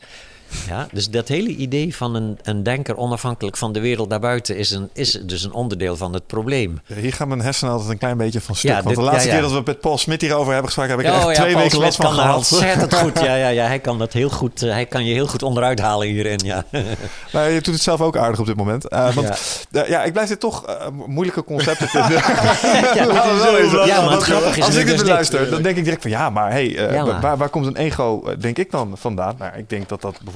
Nou, het, probleem, het probleem is, je zegt het precies, dit levert concepten op die niet te, niet te snappen zijn. Ja, die rijmen. Ja, en, het, en natuurlijk, het ego zegt, ik kan dit niet snappen, dus de theorie klopt niet of ik klop niet. Ja. Je, zeg maar, de Ja. denkende geest loopt vast in het denken over het denken. Ja? En zeker als je, als je die richting uitdenkt. Eh, de richting van het, het, zeg maar, het, het doorbreken van, van het zelfbeeld. Ja. En mijn vraag is, hoe heb jij dat voor jezelf? Voor me, hoe, hoe doe je dat, zeg maar? Want ik loop daar 100% in vast. Ja, zeg maar. ja, ja dus de, ten eerste wat je, wat je eerst moet leren is dat het vastlopen een, een onderdeel is van eh, groei van bewustzijn. Oké. Ja? Terwijl ego natuurlijk denkt, als ik, zolang ik het niet snap, eh, is het, heb ik het nog niet bereikt of iets dergelijks. Ja, hè? dank je. Ja. Ja. Nee, dit kan je niet snappen. Wat je kunt snappen is dat je het niet kunt snappen. Hmm. Ja, oftewel, je kunt met redeneren kun je een punt bereiken waarop de hele redenerende geest als het ware zijn, zijn eigen grondslagen onderuit haalt. Ja. En dus eigenlijk moet constateren, het hele redeneren is een onderdeel van het probleem en kan dus nooit een oplossing leveren in de zin van een bevrijdende gedachte. Dit is een heel onbevredigend antwoord. Ja, maar dan ga je natuurlijk verder. Dan zei je, oké, als, dat als dat betekent dat er dus geen antwoord te vinden is. Nee, nee. Er is namelijk iets wat verder gaat dan denken. Ja, en dat is weer dat deel van de geest wat kan kijken naar gedachten. Zonder daar zelf gedachten over te hebben, want dat gebeurt automatisch. Hè? Dus als je begint met beoefenen, en dan kun je vrij snel kun je wel het punt bereiken dat je als het ware achteroverleunt en dat je een gedachte ziet opkomen. Maar onmiddellijk ga je dan een gedachte erbij produceren. Ik zie nu een gedachte opkomen. Of oh, dit is dus het moment dat ik een gedachte zie opkomen. Ja, dus de niet getrainde geest is ook gewaar van gedachten die opkomen, maar binnen een fractie van een seconde wordt dat gewaarzijn automatisch vertaald in een zinnetje, in tekst of in beelden, met een ik-gevoel eraan vast. Ja? En dat is een kwestie van eh, afleren. Het is een soort reflex. Net als die reflex van iemand zwaait vlak voor je ogen en dan knipper je. Maar na tien keer zwaaien kan je je ogen open houden. Ja? Omdat je al weet dat hij toch niet gaat, echt gaat prikken. Ja? Ja. Nee, zoiets, maar dan duurt het alleen wat langer. Dan, Dan- ja, dan maar die reflex van. Ja, ja ik, was, ik ben behoorlijk aan het knipperen op dit moment. hè. ja, gewaar zijn zodanig ontspannen dat het als het ware in zichzelf aanwezig blijft zonder gedachten te produceren over dat wat het gewaar is. En dan kom je in een heel andere dimensie. Dat is de dimensie waarin gedachten oplossen zonder dat je nog het gevoel hebt dat jij de denker van je gedachten bent. en, a- en daaraan vast zit natuurlijk, wat nog veel prettiger is, is dat er ook gevoelens kunnen opkomen, zoals angst of eenzaamheid of wat dan ook, die onmiddellijk herkend worden als niet wie jij werkelijk bent. En dus geen enkel probleem. En dus ze komen op en ze lossen op, als het ware, in een soort vloeiende beweging. Is dit iets waar jij eh, een zwarte band in hebt, waar jij gewoon de hele dag door gewoon feilloos door het leven Nee, heen nee, gaat? nee, nee, of is nee, dit iets? nee, dit, gele band of zo, Ja. weet je, als we het beginnen. En je doet het al 20 jaar. Ja, Oh, ja. want dat maar is ik een ben beetje- hardleers, denk ik. Ja. Dat is wel een beetje kan een- snel, kan vast wel sneller. Is dat niet een beetje een spelletje? Want als we geboren worden, dat vind ik wel grappig. Als je als baby geboren wordt, het enige wat je dan hebt, is gevoel. En een soort van bewustzijn, wat dan, ja, dat is er wel. Want als baby krijg je ook dingen mee. Reuk, En gehoor. je, je, je gevoel vind ik, dat vind ik bijzonder. Want op het moment dat je jong bent, je bent nog helemaal niet geïndoctrineerd door, eh, door je ouders of door je broertje of door eh, angst of dingen of symbolen of andere regeltjes. En het lijkt wel alsof we, als we een jaar of 21 zijn, dan zijn we gewoon een grote ui met allemaal lagen eromheen. En heel diep binnenin, daar zit dat kleine babytje nog. Weet je? Ja, maar dat babytje heeft één groot bezwaar, één nadeel. Namelijk, Mhm. ze is zichzelf totaal niet gewaar van zijn eigen situatie. Dus dat is een van Nee. die vele misvattingen die wel eens pre-transverwarring worden genoemd. Dat je denkt dat een baby of een, of een klein kind in een hogere staat van zijn verkeert, omdat het nog zo, zo spontaan is en zo onbelast door zelfafwijzing. Mhm. Alleen die kinderen op die leeftijd hebben daar geen enkel weet van. Nee. Zijn, zijn wel spontaan, maar hebben geen gewaarzijn van hun spontaniteit. Zijn als het ware een soort speelbal Ja. van hun eigen impulsen. En, en natuurlijk, het ziet er heel leuk uit als een kind het ene moment kan huilen en twee tellen later begint te lachen en weer gewoon vrolijk doorgaat met spelen. En er is geen enkel soort probleem meer. Ja. alleen even goed is het kind zich daar niet van bewust. En dat is dus de hele, zeg maar, de hele cirkelgang die te maken heeft met groei van bewustzijn. Je begint onbewust één te zijn met alles. Vervolgens ontwikkel je een soort afscheiding van dat alles. Een soort identiteit, een soort ego, wat meent dat het een soort unieke persoon is die losstaat van de werkelijkheid om hem heen. Dat levert dan geleidelijk aan steeds meer ellende en problemen op in je leven. En dan kom je tot de ontdekking dat dat hele ego een soort illusie is. Die als het ware tussen jou en de eenheid met alles wat bestaat staat. En dan kun je hem overstijgen. En dan kom je dus eigenlijk weer in een soort positie waar die baby in zat. Alleen dan met volledig gewaarzijn ervan. Maar als ik even terug ga naar die baby. ehm, ik las onlangs een boek van ehm, ook wel redelijk spirituele auteur die daarin zei van joh, op het moment als een, een baby krijgt zijn eerste trauma, op het moment als die bijvoorbeeld eh, als de moeder stopt met borstvoeding, want dat is een soort van er wordt iets in één keer iets van hem weggenomen. Ja, En dat ja, zou een ja, eerste ja. trauma kunnen, eh, kunnen zijn. Of Ik denk het eerste trauma is de geboorte. Dat je in één keer onbeschermd bent en, dat, eh, en dat je al door die zo'n impulsen. door zo'n tunnel geperst wordt en zo. Ik weet niet Ja. of jullie ooit dat spelletje deden vroeger als kind met, met, met ik deed dat met mijn broer.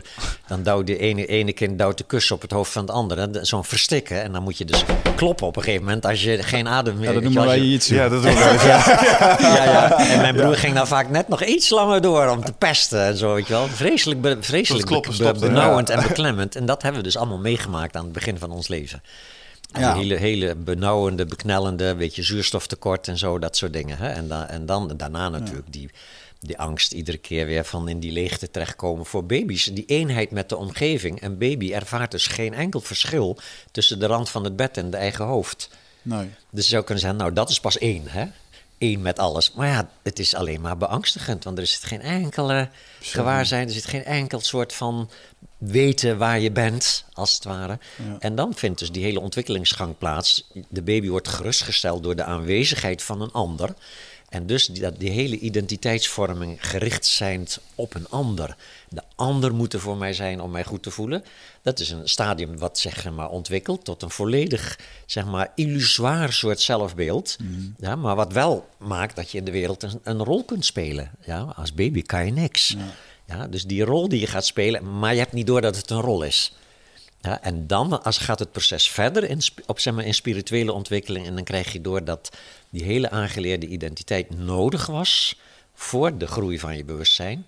Maar vervolgens achter je gelaten kan worden in de zin van de identificatie ermee kan beëindigd worden. Ja. Het ego verdwijnt niet. Je blijft gewoon je dingen doen in de wereld op jouw manier, met jouw kwaliteiten, met jouw zeg maar neurotische patroontjes daarin eventueel ook, alleen dan zonder de beknelling, zonder de angst die achter neurotische patronen zit, maar meer, met veel meer humor. Ja. Humor hoor ik Van- echt herhaaldelijk. Dat Ja, is echt eh, dat is het magische ingrediënt hier volgens mij. Ja, ja, en niet als een soort van we beginnen met humor. Nee, het is een soort, soort, soort automatisch bijproduct. Wat ontstaat door die ruimte, door die de-identificatie. Door de, hè, je kan dan echt je eigen dingen zien. Je eigen, in mijn geval bijvoorbeeld mijn nice guy angstjes. Altijd een beetje bang om mensen voor het hoofd te stoten. Bang om te laten komen, dat soort dingen. Ja. Vind ik niet zo'n probleem overigens, want dan ben ik bijna altijd op tijd op afspraken. Hè? Zoals nu ook. Vier handig, minuten voor ja. tijd was ik er al. Hè? Ja. Ja. En dat is gewoon. Ja, het was wel heel moeilijk om een afspraak met jou te maken, Jan. Dat weer wel. Na drie maanden zat hij er. Maar top. ja. Oké. Ehm, maar dan kom je dus eigenlijk op het punt dat je verlicht bent.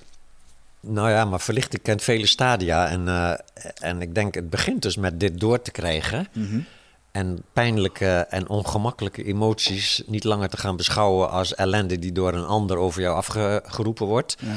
Ook niet, hè, daarna komt het stadium dat je het beschouwt als ellende die door je eigen verleden over jou afgeroepen wordt. Ja? En tenslotte kun je het gaan zien als hulpmiddelen in de groei van bewustzijn. Dus alles wat pijn doet, is in feite een symptoom van het niet herkennen van de werkelijkheid zoals die is, maar tegelijkertijd een hulpmiddel om die werkelijkheid wel te leren Ja, herkennen dus de die groei, is. door pijn groeien. Ja, pijn is groei, ja. Als je het benut voor groei. Want Ja. voor een hoop mensen is pijn is de, is een, een soort stimulans om nog harder van zichzelf weg te lopen. Ja, Ja. Dat zie ik dan wel als we even terugkoppelen naar relaties. Dat mensen die helemaal eh, uit een relatie komen met heel veel pijn eh, ervaren hebben, dat die vervolgens een partner vinden die in datzelfde zelfde schuitje zit. En dat ze dan denken, oh ja, je hebt precies hetzelfde meegemaakt als ik. Nou, dit is helemaal top. Hup, En je zit weer met twee Ja, mensen die ja, alle twee in die pijn zitten en uiteindelijk werkt dat ook niet. Ja, dat is. eh dat nog, zijn, dat dat versterkt troostrelaties. Ja. Ja, maar dat is die verliefdheid, die verbloemt dat wel eventjes. ja. Oh, het is zo fijn samen. Ja, top. Ja, top. Nog zo eentje die ook zo zit, zit eh, in eigen Ja, ja, al die zit. dingen kom je na, na, na een paar maanden of een paar jaar kom je dat dan weer tegen. Dus en, en die ellende kan op den duur dus bijdragen aan groei van bewustzijn. Dat is het punt. Ellende moet zich vaak herhalen. Ja. Je ziet vaak mensen be- bewust worden van een bepaald egopatroon als het een paar keer behoorlijk pijn gedaan heeft. Als je bijvoorbeeld voor de derde keer in een relatie gestapt bent en na een half jaar of een jaar blijkt dat de ander gewoon bijvoorbeeld emotioneel totaal gestoord is of iets dergelijks, dan ga je je afvragen of er iets mis is met jouw keuzecriteria. Hè? Want waarom word ik telkens verliefd op dit soort foute types? Ja, en dan gaat die blik zich omkeren. Tot dan toe was je altijd ervan overtuigd dat, dat het gewoon pech was en dat de ander gewoon toevallig een klootzak was. En jammer dan. En na een tijdje zei oké, dit is misschien wel een klootzak die ander, maar waarom kies ik telkens klootzakken? En dan begint het spirituele pad. Gewoon omdat het een aantal keren pijn heeft. Hetzelfde als je bijvoorbeeld voor de derde keer ontslagen wordt op je werk, omdat je altijd conflicten krijgt met je superieur over hoe het werk gedaan moet worden.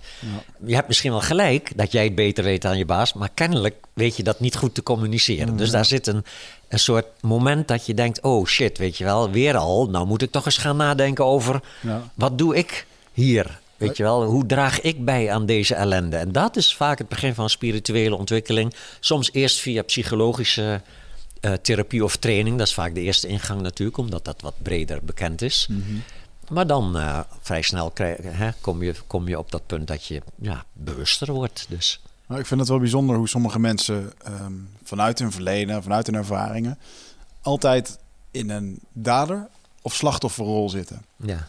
En dat heeft dus ook te maken met directe autoriteit op je werk of wat dan ook. Hè? Bij iemand die altijd, je kent ze wel, de types op je werk die waar alles een opgave is en waar iedereen is tegen ze. En hè, dan heb je natuurlijk ook altijd de mensen die ja, eh, iedereen beschuldigen en doen. En dan zit je Wel dus in zelfmedelijden. dan, ja, maar dan zit je dus continu, ehm, eh, als je in die dader- of slachtofferrol zit, ja, dan kun je dus nooit eh, autoriteit handelen op een goede Mhm. manier. Mhm. Dus dan moet je inderdaad gewoon ontslagen worden en dan moet je daarvan van leren. ja. Dat is het, denk ik. Klinkt gewoon als ownership. Ja, want dat is eigenlijk gewoon een confrontatie met jezelf zoeken. En jij bent een eh, vervent eh, meditatie. eh, of meditatie is de oplossing voor een hele hoop van dit soort dingen die we nu besproken hebben. Ja, ja, ja, ja. Dat, die, die, hè, je hebt verschillende vormen van meditatie, maar, je, maar hè, je hebt ook meditatievormen die, die eigenlijk alleen maar ge- gericht zijn op of als effect hebben dat je geest kalmer wordt, Ja. zonder dat je eigenlijk je gedachten leert doorzien als een soort van onjuistheid.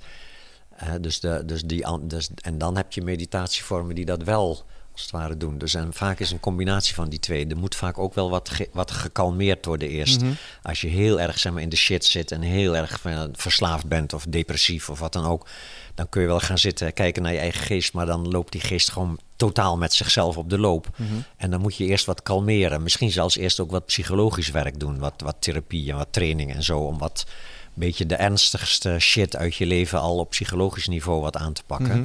En, eh, maar dan komt toch het moment dat je kunt gaan oefenen in het kijken naar je eigen geest. En dat is eigenlijk een hele simpele methode. Alleen je moet hem gewoon heel lang en heel vaak doen voordat het eh, effect begint te krijgen. Hoe zien die oefeningen eruit? Bijvoorbeeld om jezelf te kalmeren? Wat- Kalmeringsoefeningen, oh, dat is tegenwoordig heel erg, eh, heel erg populair. Ook dat he- wordt, wel- wordt wel mindfulness genoemd. Wat, Mhm. Overigens, mindfulness is wel iets meer dan alleen kalmeren. Maar groot deel is kalmeren. En dat begint bijvoorbeeld met body scan. Hè, te doen dat je je aandacht langs je lijf laat gaan. En contact maakt met je ademhaling bijvoorbeeld. En dan heb je gewoon, ja, je hebt duizend en één methodes die te maken hebben met eh, aandacht richten op een object. Kan een object buiten jou zijn, kaarsje, boeddhabeeldje, bloemetje, wat dan ook. Kan een object binnen jou zijn, bijvoorbeeld een gedachte. Je kunt je aandacht richten op een gedachte, bijvoorbeeld op een, op een beeld van een boeddha bijvoorbeeld. Bij, hè, boeddhisten nemen nou eenmaal altijd een boeddha als een object nemen. Ja. Ja, en, eh, en dan heb je, je kunt je aandacht richten op een klank, een innerlijke klank bijvoorbeeld. Dat, heet, hè, dat noemen ze dan mantra's, maar het kan elke klank zijn. En, ja. hè, dus je aandacht richten. Aandacht richten op een object, iets langer dan je zeg maar spontaan zou doen, heeft een soort van verhelderende en kalmerende werking.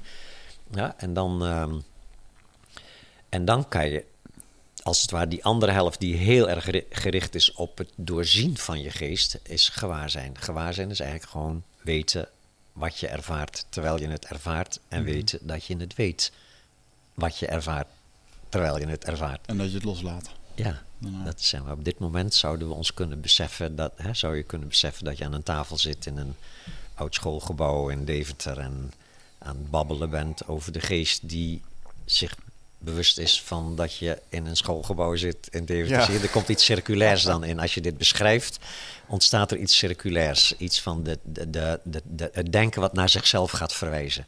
In eerste instantie zijn het nog gedachten die over zichzelf gaan. En dan ergens hou je op met denken en ben je gewoon gewaar van wat je op dit moment ervaart. Zit jij eh, vaak in je hoofd? Eh, neem je heel veel informatie tot je video's, podcasts, boeken? Eh, nou, voel je niet schuldig, dat doen heel veel mensen natuurlijk. Maar vaak zijn we op zoek naar antwoorden. Gaan we nog meer informatie tot ons nemen. Terwijl ja, de antwoorden liggen toch echt in onszelf. En dat is iets wat we voelen met ons lichaam. Maar vaak zijn we zo erg in ons hoofd bezig ja, dat we dat ook niet meer, dat we daar niet meer echt goed bij kunnen. En dat is graag waar ik je voor uit wil nodigen. Voor Rite of Passage. 24, 25 en 26 mei is er weer een nieuwe editie.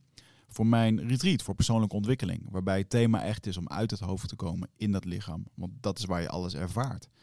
En ik wil dat je gewoon weer in contact komt met, met die, die intuïtie. Ehm, en dan gewoon een heel sterk eh, innerlijk kompas. Dat je gewoon weer weet waar je naartoe moet. Wat je te doen staat. En dat je gewoon weer helderheid hebt over wat je wilt en hoe dat je dat gaat doen. En dat doen we middels eh, bio-energetische oefeningen, dynamische meditaties, een stuk shamanisme zit erin. Het enige wat er bekend is van het programma is dat er een zweethut in zit. Eh, en natuurlijk gewoon hands-on persoonlijk leiderschap. Eh, dit retreat krijgt een 9,2 gemiddelde van meer dan 331 deelnemers. Daar ben ik ontzettend trots op. Sterker nog, er is ook een money back guarantee. Vind je niks na drie dagen, krijg je gewoon je geld terug. Dus het enige risico dat je loopt, is dat je gelukkiger wordt. Klinkt dit als iets voor jou en durf je het aan?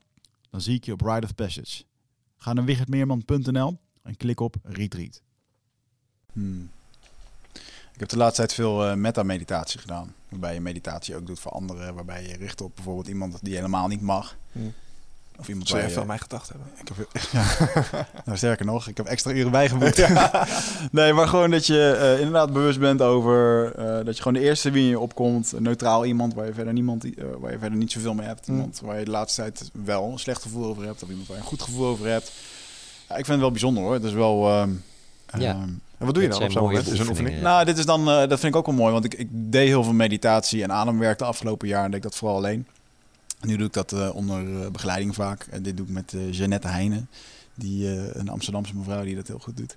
Ehm, en die, doet, die opent dan ook met zo'n mantra, wat dan eigenlijk de energie zet voor de hele zaal.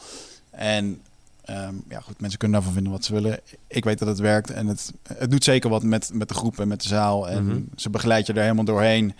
En ja, dat is dus eigenlijk een meditatie gericht op energie.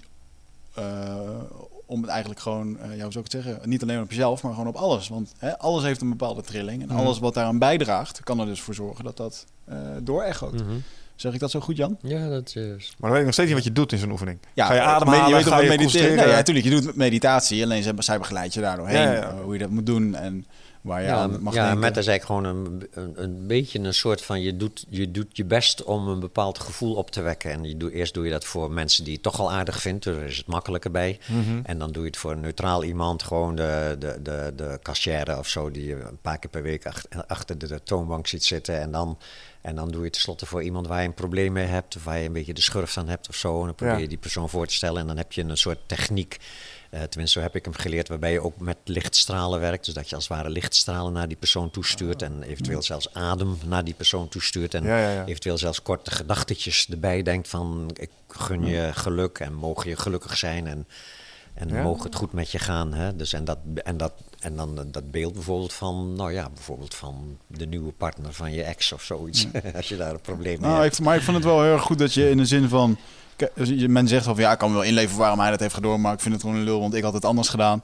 Ehm, als je je echt eventjes inleeft in iemand anders, dan valt altijd alles te begrijpen. Want iedereen doet het vanuit zijn eigen Ja, beweegredenen. iedereen En- zoekt en- geluk en, iedereen, en Ja, niemand wil lijden. En, eh, de, de motivatie is altijd geluk en, en niet willen lijden. Alleen ja, mensen hebben soms een wat, wat onhandige zeg maar, strategie om geluk te, te willen bereiken en zo. En dat gaat vaak ten koste van anderen. En dat, en dat is dan pijnlijk, ja. Ja, terwijl ze dat misschien niet eens bewust doen of weten. Of, Nee, Ja. of niet anders kunnen. Of, ja. ja, nee, ja, het is, dit is gewoon, ja, het is een van, die, een van die mooie uitspraken van een oude boeddhistische leraar, Shantideva, die ook zei van al het geluk in de wereld komt van anderen net zo belangrijk vinden als jezelf. Ja. Ja, en dat is dus niet een soort van jezelf wegcijferen. Dat zou weer de, zeg maar, de christelijke variant zijn. Maar dat is echt een soort van.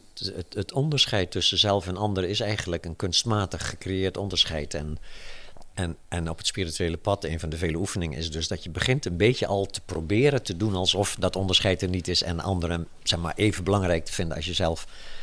Of zelfs even wat belangrijker dan jezelf als een soort oefen. Ja, totdat, je, totdat je als het ware die realisatie hebt dat dat onderscheid inderdaad kunstmatig is. En dan kan je haast niet negatief doen tegen anderen eigenlijk. Nee.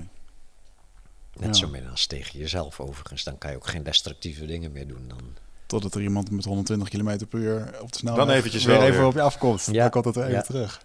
Ja. Want dan eigenlijk heb je het... eh, ehm, daar zit ik nou een beetje mee te kijken. Hè? Want dat, dat, eh, het verlicht zijn is het einddoel. Het spirituele einddoel. Maar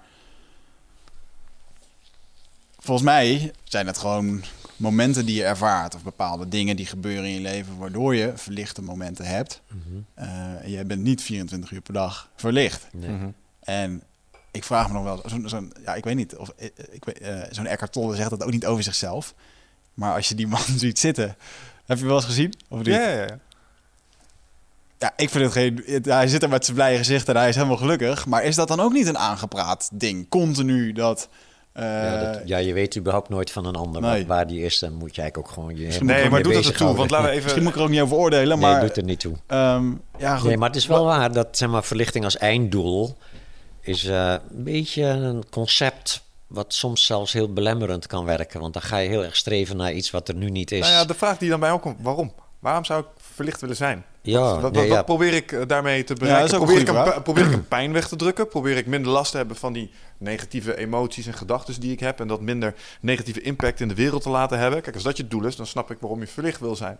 Ja, nou, dat, Nou dat ja, is ik denk punt. iedereen wil gelukkig zijn. En het punt is dat, dat dus, eh, je strategieën worden geleidelijk aan verfijnder.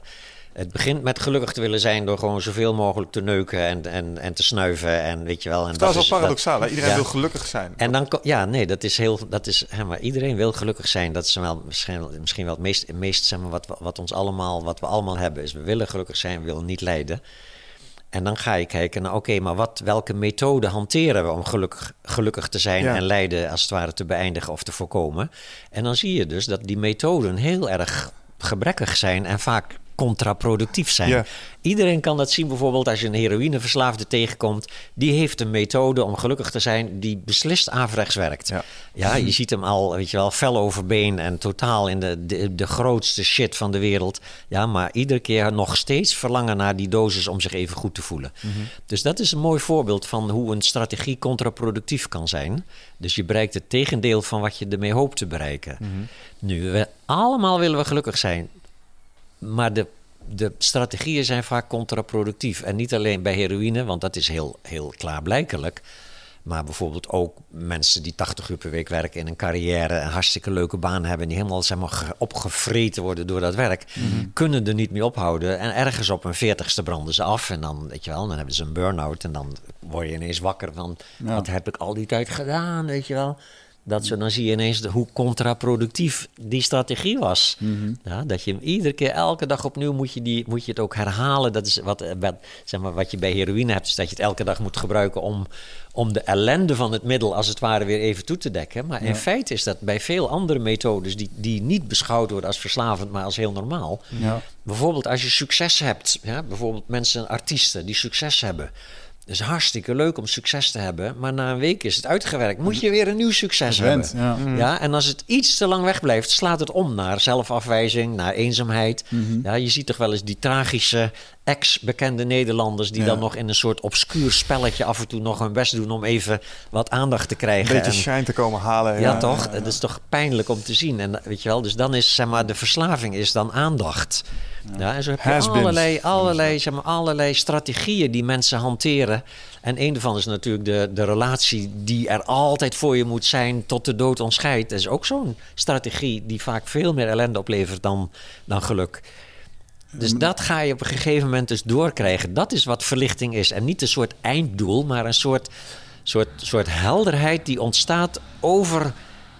draagt dit bij, werkelijk bij aan geluk? Of lijkt het alleen maar bij te dragen aan geluk... maar via de achterdeur juist meer ellende binnenhaalt? En zo begin je bijvoorbeeld met je verslavingen te beëindigen. Ja, dat- En dan begin je met al te zeg maar, eh, grijperige relaties. Dat, dat vind je dan op een gegeven moment niet meer leuk. Dat is niet een soort strengheid van dat mag niet, want je bent nu boeddhist. Zo, nee, je krijgt gewoon door van dit werkt gewoon niet. Dit, dit levert mij gewoon zo veel beknelling op en zo weinig vreugde. En natuurlijk, telkens als je zo'n patroon wil loslaten, is er ook angst. Dus heel veel spiritueel werk is als het ware angst nemen in plaats van Ja. dingen doen om het maar niet te voelen. Ja. Maar dat, dat continu... ehm, je bent eigenlijk continu aan het streven naar momentjes van verlichting. Want ik denk als je dan continu verlicht zou zijn, dan zou je op een gegeven moment ook niet meer... Eh, is het dan ook te continu? Is het dan niet juist eh, om het leuk te ervaren en het leuk te houden dat je eigenlijk de hele Nee, tijd heen en weer juist gaat? in, in de, kijk, de, in de verlichting, ook in de momenten van verlichting, is er nog steeds een ego. Ja, Het is niet het een of het ander. Verlichting is niet hier en ego daar, weet je wel, zo helemaal, zeg maar, twee soorten dag en nacht of zoiets. Nee, het, ene gaat. is ego zonder gewaarzijn en het andere is ego met gewaarzijn. En de bevrijding is dus niet het einde van het ego. Het is niet dat je in een soort wolk gaat leven en zo. Nee, je blijft gewoon een ego. In de wereld ben je een ego, heb je, heb je kenmerken. Eh, doe je dingen op een bepaalde manier. En het enige verschil is dat dat ego zonder gewaarzijn is altijd bang om te falen en is altijd bezig met te streven naar meer en leuker en gelukkiger. En dat levert hem zoveel ellende op. Vanuit gewaarzijn gebruik je nog steeds de, de capaciteiten die je in huis hebt als body-mind, hè? Als, hè, die je gewoon bij je hebt, die je zeg maar genetisch en qua opvoeding heb je van alles bij je. Een hele unieke constellatie van eigenschappen. En die gebruik je in de wereld en met veel minder angst, met veel meer spontaniteit. je legt het wel mooi uit. Ik vind het wel mooi. ja. Dus, dus, dus ik denk wel, op het, in boeddhisme spreken ze wel over dat dat gewaarzijn. Je begint met af en toe een momentje gewaar te zijn en dan ben je, ben je weer afgedwaald in je gedachtenstroom. En dat breidt zich dan heel geleidelijk aan uit. Van, van twee keer per dag naar tien keer per dag naar honderd keer per dag. En dan in het begin is het maar één seconde. En dan zijn het drie seconden, vijf seconden, tien seconden. Dat je erin blijft voordat je weer, zeg maar, meegezogen wordt in die identiteit. Hè, in die ik ben de denker van mijn gedachten, gedachtes. Ja, en dat geleidelijk kan breidt zich uit. In, de, in het eh, Tibetaans boeddhisme hebben ze dan zo'n regel van als je dan vanaf dat je 's ochtends wakker wordt tot 's avonds dat je in slaap valt, niet meer jezelf vergeet, dus niet meer dat gewaarzijn kwijtraakt. Dat noemen ze dat een bodhisattva. En het schijnt dat sommige mensen ook s'nachts gewaar kunnen zijn, tijdens het dromen en het slapen zelfs. Dat is echt, voor mij is dat mijlen ver weg nog overigens. Maar dan, weet je, en dan ben je een volledig verlichte Boeddha. Zo. Ja, maar tegelijkertijd, je hoeft er niet op te wachten voordat je gelukkig bent. Daar, lang daarvoor al, gewoon in het hele spel doorzien. Ja, en, en het telkens weer, de pijnlijke emotie wordt getriggerd.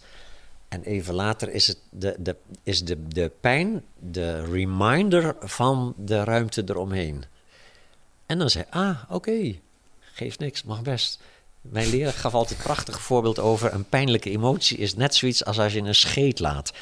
Als je een scheet laat in een kleine ruimte, blijft heel lang stinken. Ja. Dat staat symbool voor de pijnlijke emotie komt op. De geest verkrampt zich naar een soort ikje, wat zich daar vreselijk druk om maakt. Ja, ja. Om die pijnlijke emotie. Hier moet ik vanaf. Het duurt heel lang voordat, het- voordat die pijn overgaat. Je kan je pijn als het op die manier verlengen tot weken, maanden, jaren zelfs. Mensen in depressie kunnen heel hun leven pijn lijden omdat ze bepaalde gedachten niet willen denken en ze daardoor alsmaar denken. Ja.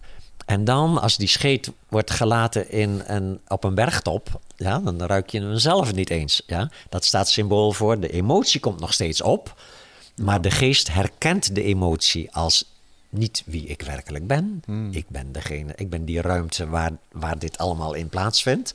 Ja, dus er is geen verkramping. Er is een soort onmetelijke ruimte waarin die ervaring mag plaatsvinden. Er is geen verzet. En de ervaring komt op en lost op. Ja, het kan een paar tellen duren of een paar minuten, maar dan ben je dus vrij van je ego. Wat dus niet betekent het ego er niet meer is, maar jij bent je ego niet. Ja. Ja, je hebt minder last van de, van de stuiptrekkingen die je ego zo af en toe Ja, geeft. ja, de verkramping lost op. Dat is het eigenlijk. Ja, de ik-verkramping wordt het wel eens genoemd. Het is toch weer loslaten eigenlijk. Ja, los- ja gewoon loslaten. Letting ja. go, baby. Ja, Ja, ja, gewoon dat let klopt. go. Ehm, ik wil eigenlijk even naar de pijnlijke onderwerpen gaan. Oh, eh, oké. En ehm, eh, die we in onze relaties tegenkomen. Ehm, kan jij mij eens beschrijven waar bijvoorbeeld ehm, obsessief vreemdgaan vandaan komt? Mm. En eh, dan bedoel ik eigenlijk gewoon inderdaad de mensen die in een relatie zitten en die gewoon altijd om een of andere reden vreemd moeten gaan. Mhm. Waar komt dat Kijk, vandaan? Ja, nou, obs- obsessie is altijd het gevolg van, het, van iets veroordelen. Mhm. Ja, dus er is bepaald gedrag plus een sterke veroordeling van dat gedrag. En dan wordt dat gedrag obsessief. Een veroordeling naar zichzelf of naar... Naar Ja, jezelf. Ja, van- ja, meestal dus tussen jou en jezelf. Ja. Mm. Natuurlijk soms ook door een ander. Ja. Dus bij dat vreemdgaan kun- kun je ook heel sterk zeg maar, het gevoel hebben dat je partner jou heel erg veroordeelt over het verlangen naar vreemdgaan. En als dat verlangen naar vreemdgaan dan wordt onderdrukt, je veroordeelt dus ook je eigen verlangen naar vreemdgaan, omdat je bijvoorbeeld ja, gewoon al ziet aankomen dat dat weer een hoop problemen gaat opleveren, dan kun je misschien een tijdje heel erg zeg maar, je best doen om het te onderdrukken, maar het wordt alleen maar sterker door de onderdrukking. Ja. En dan op een dag knalt het eruit en dan vind je jezelf zo'n lul. Ja. Uh, en, en, en dan veroordeel je dat. En nou ja, een paar dagen later is, is het weer zover. Ja, dus dat, hetzelfde zie je ook bij mensen die zeg maar, dwangmatig uh, porno kijken. Mhm. Ja, pornoverslaving is ook, uh, ook echt bij uitstek uh, een, een voorbeeld van dat het gedrag plus de veroordeling van het gedrag maakt, maakt het verslavend, maakt het dwangmatig. Mm. Ja, Maar hoe verklaar je dat van een 16-jarige die drie keer per dag achter zijn computer hangt? Gewoon, dat is, ik bedoel, waar, waar komt de veroordeling van seksuele uh, verlangens vandaan? Dat is wel iets wat we al van jongs af aan als het ware meekrijgen. Ja, maar is dat niet gewoon biologie? Ik bedoel, je bent 16, je hebt internet, kom op zeg. Uh, Als jij 16 was geweest, je had internetverbinding gehad, wat zou jij hebben gedaan? Ik was 16, had internetverbinding. Wat heb je gedaan? Ik heb dat gedaan. Ja, dus... ja. ja. Maar ja. ja. ja. Kijk, en als het niet als ouders niet al te, weet je wel, het hangt een beetje af van hoe wordt erop gereageerd, maar het hangt ook een beetje af natuurlijk van wat je als kind voor je zestiende al hebt meegekregen aan zelf, aan afwijzing en zelfafwijzing. Mm -hmm. Ja, dus, dus dat is gewoon een enorm verschil in, in de opvoedingsstijl van ouders. Bepaalt heel erg de mate waarin kinderen al, zeg maar, hoe vroeg ze al zichzelf beginnen af te wijzen. En dan, als dan seksualiteit wakker wordt in zo'n kind in de puberteit, dan is dat dus sowieso al gewoon, echt, eh, gewoon een soort chaos in dat lijf en in die geest van pubers. En dan ook nog jezelf daarover afwijzen, Ja. over die onzekerheid. En nou, dan heb je al. En als je dan ook nog eens een keer de prikkels, zeg maar, voor het grijpen hebt, dan ga je voor de bijl natuurlijk. Dan, eh, wat zijn die prikkels van waar hoor je dan bijvoorbeeld van mensen die vreemd gaan als ze dan eh, ja één biertje en dan krijgt hij duiveltjesoren. Weet je, dat zijn dan Oh mensen ja, ja, die- maar dat is wat- gewoon het effect van alcohol weer. Elke verslaafde... ja, gezegd, drugs. ja? Nou, Ja. dat, nou, ja, Ja, en- elke verslaafde die, zeg maar, die ook, een alco ook, ook alcohol drinkt, weet dat zodra die een paar eh borrels of biertjes op heeft, dat hij ook zeg maar, terugvalt in zijn verslaving. Ja. Eh, een kookverslaving of wat dan ook. Hè. Je bent gestopt met kook, maar je blijft bier drinken, nou dan kan je het wel schudden. Ja. Ja, want in de eerste beste gelegenheid en je, je grijpt er gewoon weer naar, want, want alcohol is een grensvervager. ja. Ja, dus, dus je hebt misschien nog een zeker soort veroordelende moraliteit erover, die jou een klein beetje als het ware nog binnen de perken houdt. Maar zodra je alcohol op hebt, krijg je dat, wat kan me allemaal niks verdomme. Ik doe het gewoon lekker, weet je wel. Fuck the world. Wat in feite fuck myself is, maar geprojecteerd op de wereld. Ja. Ja, oftewel zelfafwijzing die zich manifesteert als zelfdestructie. Ja, dus die combinatie met alcohol is bekend. Dat gewoon alcohol vervaagt grenzen en laat andere zeg maar, restricties op jezelf eh, los. Ja. Ja, dus dat obsessief vreemdgaan is gewoon ja, domweg een kwestie van hoe, zeg maar, wat gebeurt er binnen die relatie ook. Is er een soort openheid of juist heel erg zijn beide partners heel angstig om elkaar te verliezen? Ja. Is, hè, als dat zo is, wordt er bijvoorbeeld waarschijnlijk ook nooit gepraat over dit soort dingen. Wordt als het ware al, of het wordt hooguit misschien één keer gezegd van dat, eh, dat is absoluut eh, verboden. Of weet je wel, kan je absoluut niet maken. Wij gaan kiezen voor elkaar en geen, ge- geen gedoe buiten de deur. Ja. En zo. Soms, hè, verstandige mensen zijn daar vaak nog expliciet over. Maar heel vaak wordt het niet eens gezegd. Wordt het aangenomen, wordt als vanzelfsprekend aangenomen. Wij houden van elkaar, dus doe je het niet met een ander. Nu, en dat valt dan na een tijd zo vies tegen natuurlijk, als, die, als de partner dan wel met een ander doet. En waarom ontstaat dat verlangen naar een ander? Omdat je je eigen geliefde helemaal ingepakt hebt in allerlei veiligheidsconstructies. Ja, en, en, dat doe, en dan vaak wederzijds ook. Ja, wat ik in, hè, een, een uur geleden of zo waren we op dat punt hè, van die sms'jes Ja. om je eigen onrust eh, toe te dekken. Dat gaat natuurlijk alsmaar verder, alsmaar met afspraken maken. En op een gegeven moment ga je samenwonen, omdat je dan altijd samen kan blijven. Weer een toedekking van angst en eenzaamheid, weet je wel. En dan Maar is het gewoon praktisch en leuk om samen te wonen? Nou, misschien wel, ja, maar het is een, het is een aanslag op de liefde. Ja, hoe langer je samen bent, hoe minder. Ik bedoel, die persoon wordt steeds meer een soort wederhelft. Ja. Ja, het, het soort vergroeiing van twee ego's naar één soort wij-identiteit. Maar je wordt toch ook niet opgewonden van je eigen voet, weet je wel? Dus, dus je partner wordt steeds meer, ja, je partner wordt steeds meer een verlenging met van jezelf. heel gênant. Zo bekend, zo vertrouwd. En weet je wel, ze heeft haar eigen werk misschien wel zelfs opgezegd. Haar Ja. eigen huis heeft ze niet meer. Een eigen vriendenkring heeft ze niet meer. Al die dingen die je partner in het begin zo aantrekkelijk maken. Namelijk, ze is zelfstandig. Ja. En ze houdt van mij, weet je wel. Wow, dat is de kick. En, en van meet af aan ga je de ander zijn zelfstandigheid inperken... uit angst om die liefde kwijt te raken. Dus het is een contraproductieve reflex. Je vindt iets heel fijn en dus wil je het vasthouden. En het willen vasthouden van iets fijns verknalt het. Net zo goed als het willen wegduwen van iets onfijns het verergert. Maar Dat- mooi is, nu jij dit allemaal zegt, dan denk ik van ja, maar hier ga ik dus voor zorgen dat dit gewoon niet meer gaat gebeuren. Hè, want je gaat erin met allerlei eh, lessen uit vorige relaties. En eh, waar ik altijd wel om moet lachen is dat ik, eh, bedoel, ik, eh, reizen zit in mijn bloed. En eh, ik vind het heerlijk om eh, een keer alleen op reis te gaan. En dan af en toe krijg ik mond open en ogen van verbazing van mensen die, eh, ja, dat is mijn vriendin, alleen op vakantie? Oh, die van mij laat ik echt niet alleen op vakantie gaan. En Ja, denk ik, als ja, dit ja, al niet eens ja. bespreekbaar is, Maar dat is onzekerheid. Dat is allemaal onzekerheid natuurlijk. allemaal onzekerheid. Ja, inderdaad. maar dan het punt bijvoorbeeld, stel dat je nu een relatie hebt en je hebt dit echt met elkaar afgesproken, wij gaan niet vreemd. In een, Met een veroordeling. Ja? Dat betekent dan automatisch dat de verlangens veroordeeld gaan worden. En dan zit je ergens bij het, voor je werk of wat dan ook op reis, in een vreemde stad, hotelkamer. En eh, naast je bed ligt eh, de telefoonlijst met escorts. Bureaus en wom, weet je wel, daar komt de ver- de, het verlangen de, naar dat. weet Je, wel, je zit een beetje ook een beetje alleen op die hotelkamer, weet je, weet je dat en soort. Dan, en als je dan dat verlangen gaat veroordelen, van ben ik toch een lul, weet je wel, ben ik verdomme, ben ik een paar dagen van huis, weet je wel, ik heb zo'n hartstikke leuke vrouw, weet je wel, we hebben het zo goed samen, ben ik toch een lul dat ik hier zit te verlangen naar een escort. Dan kan het nog één dag duren of twee dagen of drie dagen duren, maar dan doe je het. Ja? En dat is het contraproductieve. Wat je veroordeelt, versterk je. Terwijl stel dat je met je partner echt een open contact hebt.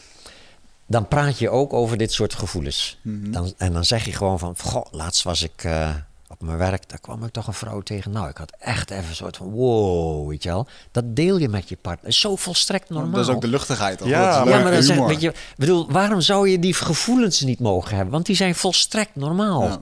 Sterker nog, en mijn dan, als je dat met elkaar kan delen, ja, ontstaat er een heel ander soort vertrouwen. Ja? En dan kan je in die vreemde stad, her, komt het gevoel op en dan herken je, oh, dit is mijn eh, oude wilde, zeg maar, mijn wilde haren bui van, oh, het kan eventjes wat leuk. En dan weet je al, als ik het ga doen, ga ik me niet lekker voelen erover. Ja, en het, en het verlangen mag er zijn. En misschien bel je vriendin wel van, oh, ligt die zo'n escortlijst, krijg er echt zin Ja. in. Misschien zegt ze wel, doe het dan een keer, man. Je wel? Zelfs dat, zou kunnen, maar dan niet vanuit Maar angst en zou echt super slim veroordeling. zijn, want dan doe je het juist niet meer. Nee, misschien wel niet. Maar goed, dan, dan gaan we inderdaad... De, ehm, daar zat ik me af te vragen. Want dan op een gegeven moment, jij bespreekt kun je een boek, eh, De Open Relatie. Waarbij je... ehm, eh, ik ben overigens ook van mening dat op het moment als je een relatie hebt... ehm, en je wil dat goed insteken, dan ben je ervoor om elkaar te laten expanderen op spiritueel niveau. In de zin van... je moet elkaar de ruimte geven. Ja. Alleen hoe je dat in gaat vullen, want dat vind ik dus een ding met open relaties. En als ik dan heel snel met mijn vrienden over open relaties praat of zo, dan denkt de een al snel, oh, maar van die swingers Ja, en over ja, die clubs. nee, ja, dat, maar dat vind ik dus ook weer de obsessieve onzin kant. Dat heeft helemaal niks daarmee te maken, want de open relatie in, spirit, in de spiritualiteit betekent gewoon dat je, eh, dat je een liefde voor iemand hebt en als die, ja, dat je eigenlijk zoveel van iemand houdt zonder dat te zichzelf, claimen. ja, zonder dus te claimen. Liefde, liefde zonder te claimen. Maar het betekent niet noodzakelijk dat je dan zeg maar, allemaal nog minnaars erbij zou moeten nemen of zoiets. Te- Sterker nog, als je het kan laten, ben je meestal goed af. Want het is het, de knoppendrukkerij in een liefdesrelatie, als er vreemd gegaan wordt, is zo heftig dat de meeste mensen het niet aankunnen. Nee, dus Ja. de, de open relatie is eigenlijk meer een concept waaraan je eh, je relatie opbouwt, dan dat het per se een vrijweg is voor allerlei dingen. Nee, nee, nee, nee, nee, nee. Kijk, de vrijheid is er natuurlijk sowieso altijd. Zelfs Ja. als je heel erg tegen elkaar roept van dat doen we niet, dat willen we niet, dat mag niet, dan gebeurt het even goed. Ja. Sterker nog, misschien wel meer. Uh-huh. Dan als je van meet af aan iets hebt van ja, van oké, ik zou het wel heel pijnlijk vinden waarschijnlijk als je het zou doen. Maar ja, ik bedoel, je bent een volwassen man, weet je wel, ik ga je niks verbieden.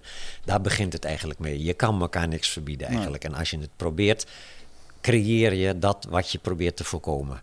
En dan zeg je tegen elkaar, oké, dit, we zijn volwassen mensen, ieder doet wat hij belangrijk vindt, maar het is tegelijkertijd wel heel mooi als je elkaar daarin wat kunt ondersteunen. En dan begin je dus niet met bij de eerste de beste gelegenheid met een buurvrouw in bed te duiken of wat dan ook.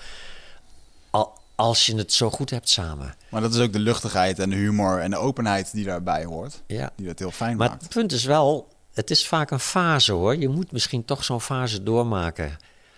Dat, kijk, van, ik staat er in, mijn, in een van mijn boeken staat zo'n hoofdstuk. Vreemd gaan van mag niet via moet kunnen naar hoeft niet zo nodig meer.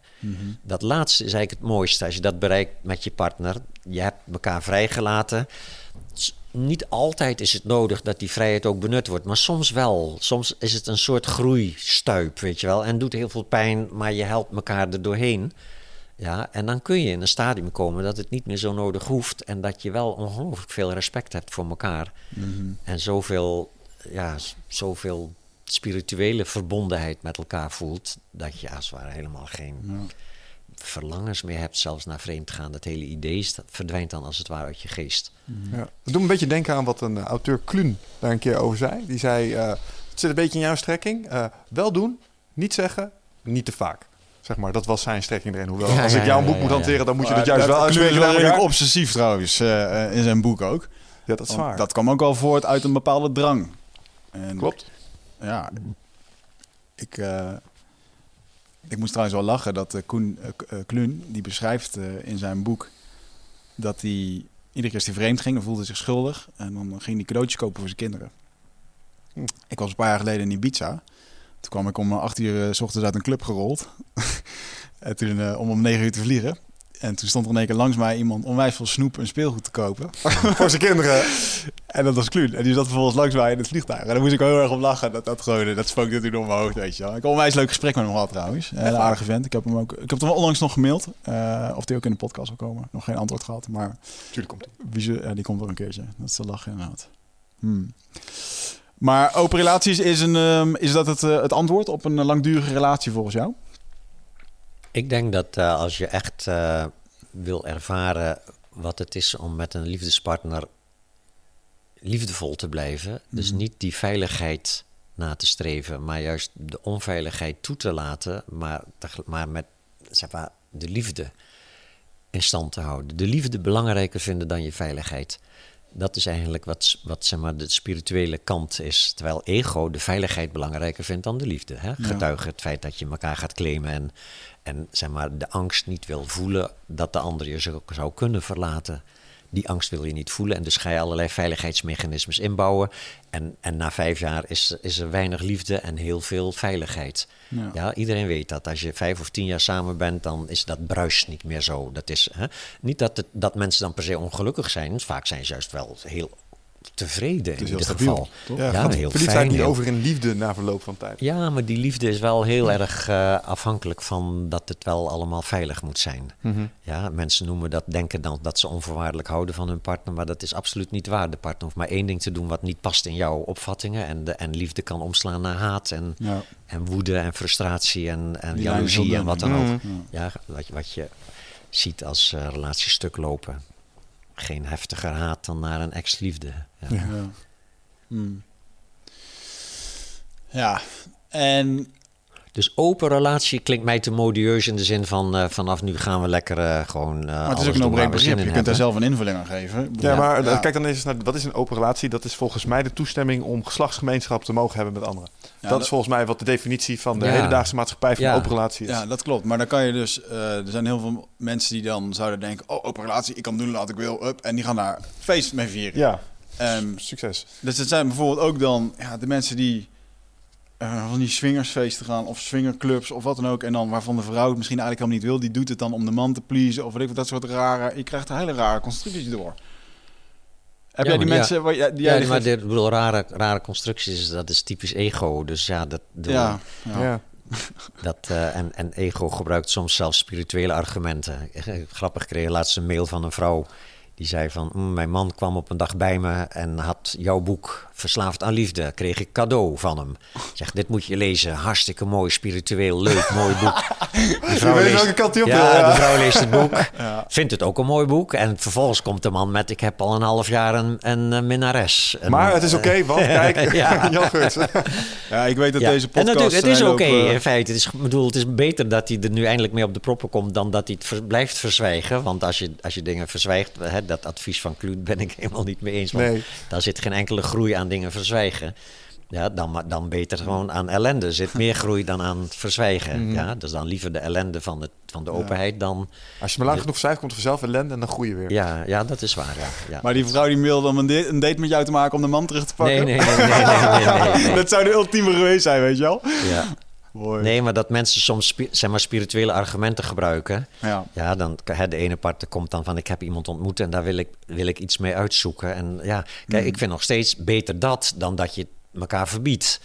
Maar tegelijkertijd is het heel vaak helemaal niet spiritueel. Is gewoon ego die zeg maar in zijn veilige relatie te weinig liefde ervaart. En die liefde ineens bij een ander wel ervaart.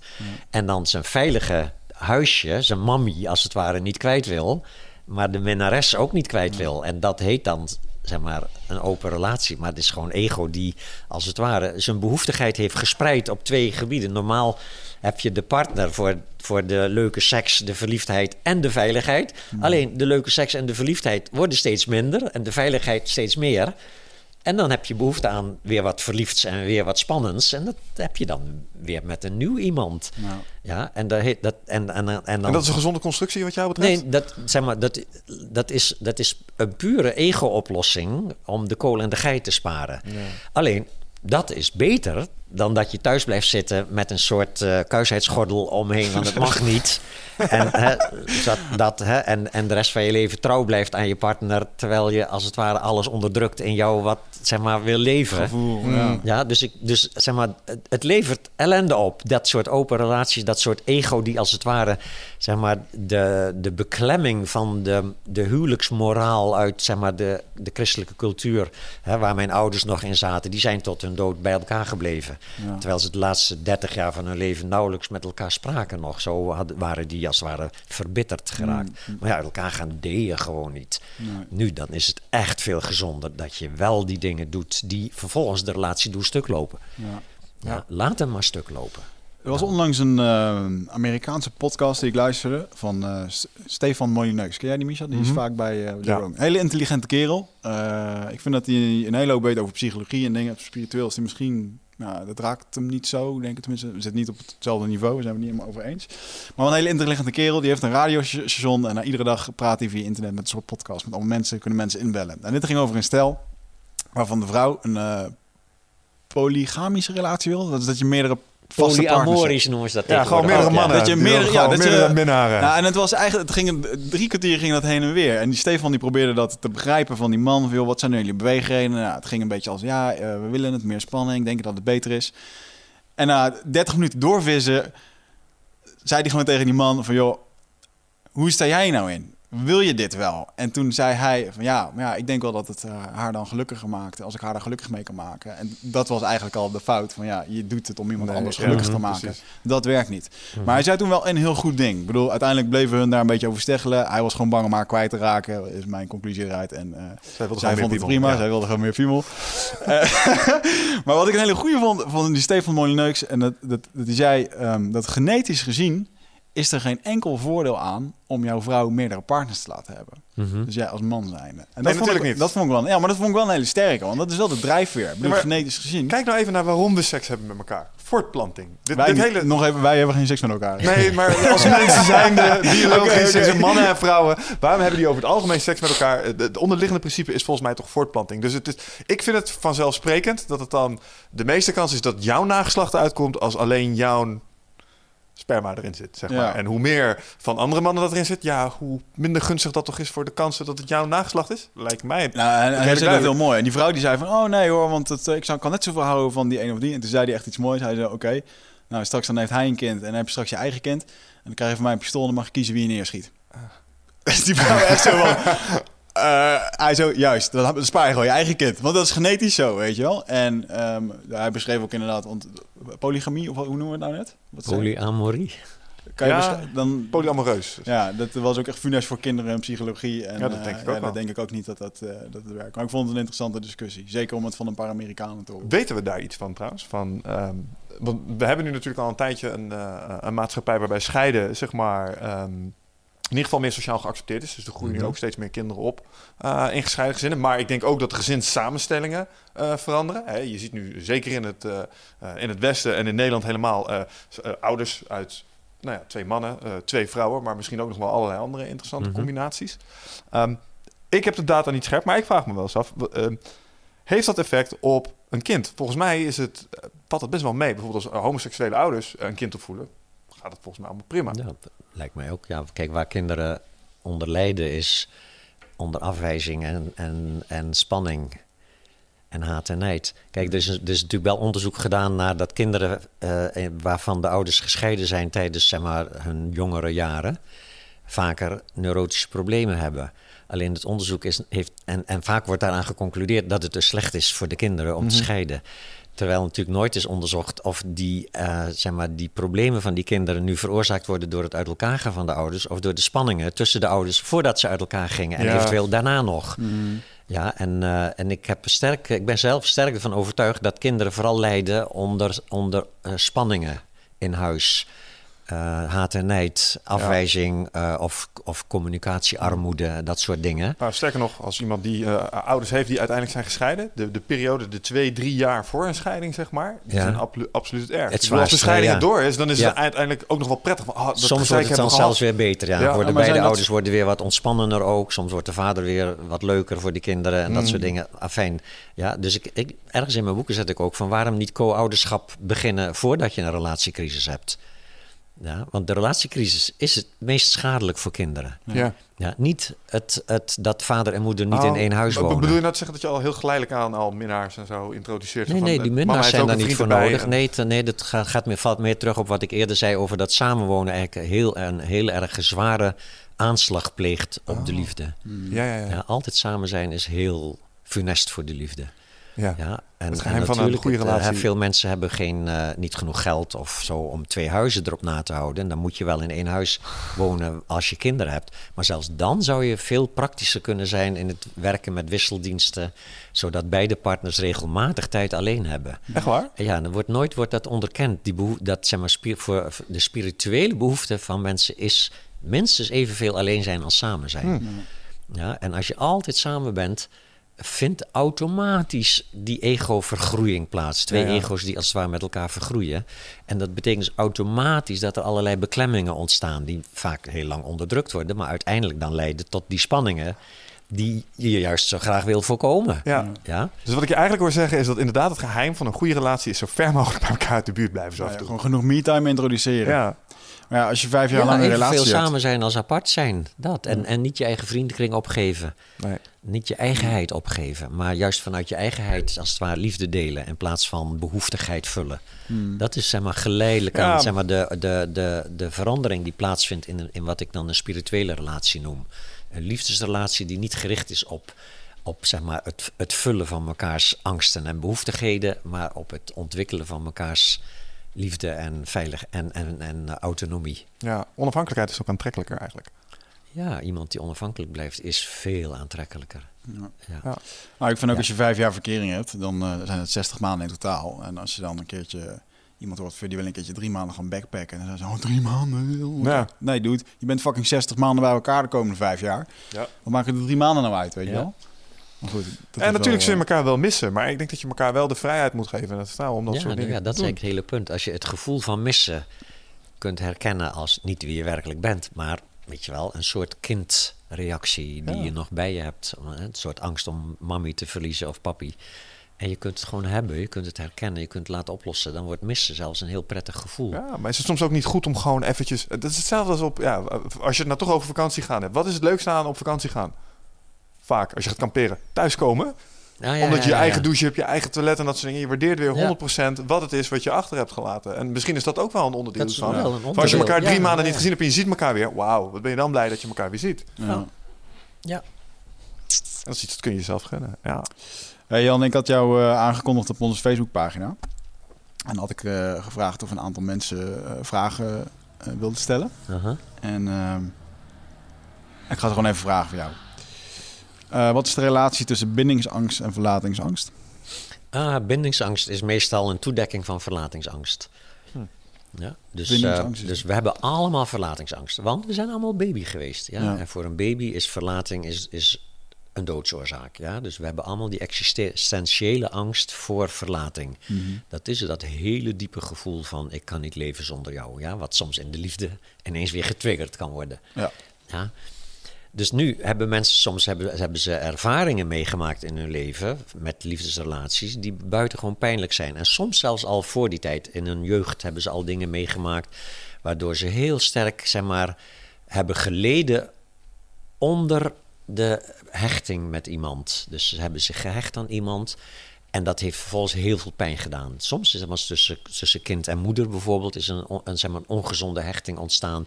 Dat levert heel veel pijn op. Of iemand heeft bijvoorbeeld in zijn jongere volwassen jaren een eerste liefdesrelatie gehad. Ja.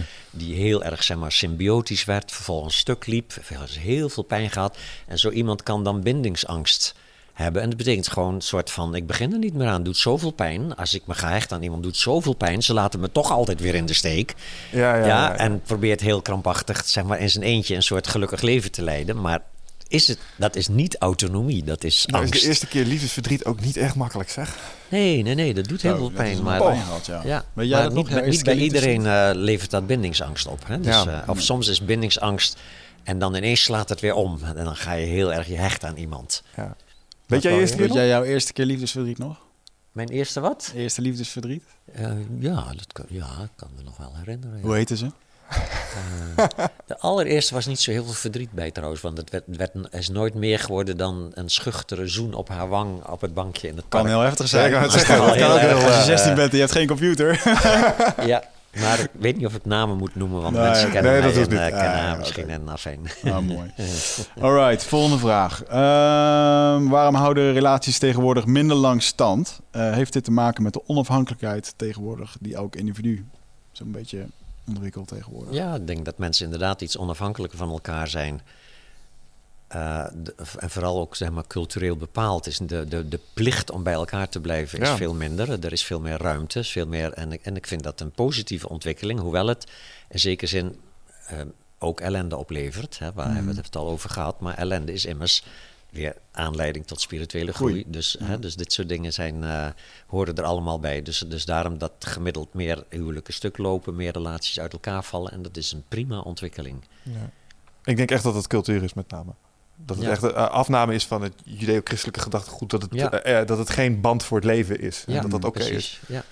Mooie vervolgvraag van diezelfde meneer. Ehm, hoe kijk je naar de man-vrouw verhouding? En daarmee bedoelt hij de, de, de masculine en feminine, de mannelijke en vrouwelijke energie, denk ik. Tenminste, dat schrijft hij hier een soort van. En hoe dat zich in de westerse samenleving zich manifesteert. Oh, dat is al. Ja. Kijk. Mannen en vrouwen hebben natuurlijk een verschillende energie. En in, in Tantra benut je dat voor spirituele groei. Hè? Dus die, die, dat spanningsveld tussen mannen en vrouwen, eh, seksuele spanning als het ware, wordt dan benut voor, voor spirituele groei. Ik denk dat. Ik heb daar al dingen over gelezen dat er een, zeg maar, in die hele emancipatiegolf van de afgelopen decennia, waarin vrouwen als het ware eh, hun achterstand, hun maatschappelijke achterstand heel erg hebben ingelopen, en zelfs in, zeker, in veel gebieden, en zeker op spiritueel gebied, een voorsprong hebben op dit moment. En mannen als het ware hun macho-rol hebben kunnen los, min of meer iets hebben kunnen loslaten en iets meer ook zeg maar eh, zachte kwaliteiten, vrouwelijke kwaliteiten hebben ontwikkeld. Wat denk ik een hele goede ontwikkeling is. Maar waarbij soms ook misschien die seksuele spanning wat verminderd is. En vrouwen als het ware iets te veel mannelijk, ook op dat gebied iets te veel mannelijkheid hebben ontwikkeld. En mannen misschien iets te veel vrouwelijkheid hebben ontwikkeld, waardoor ze elkaar niet meer zo aantrekkelijk vinden. Eh, waardoor die spanning wat Ja. verminderd is.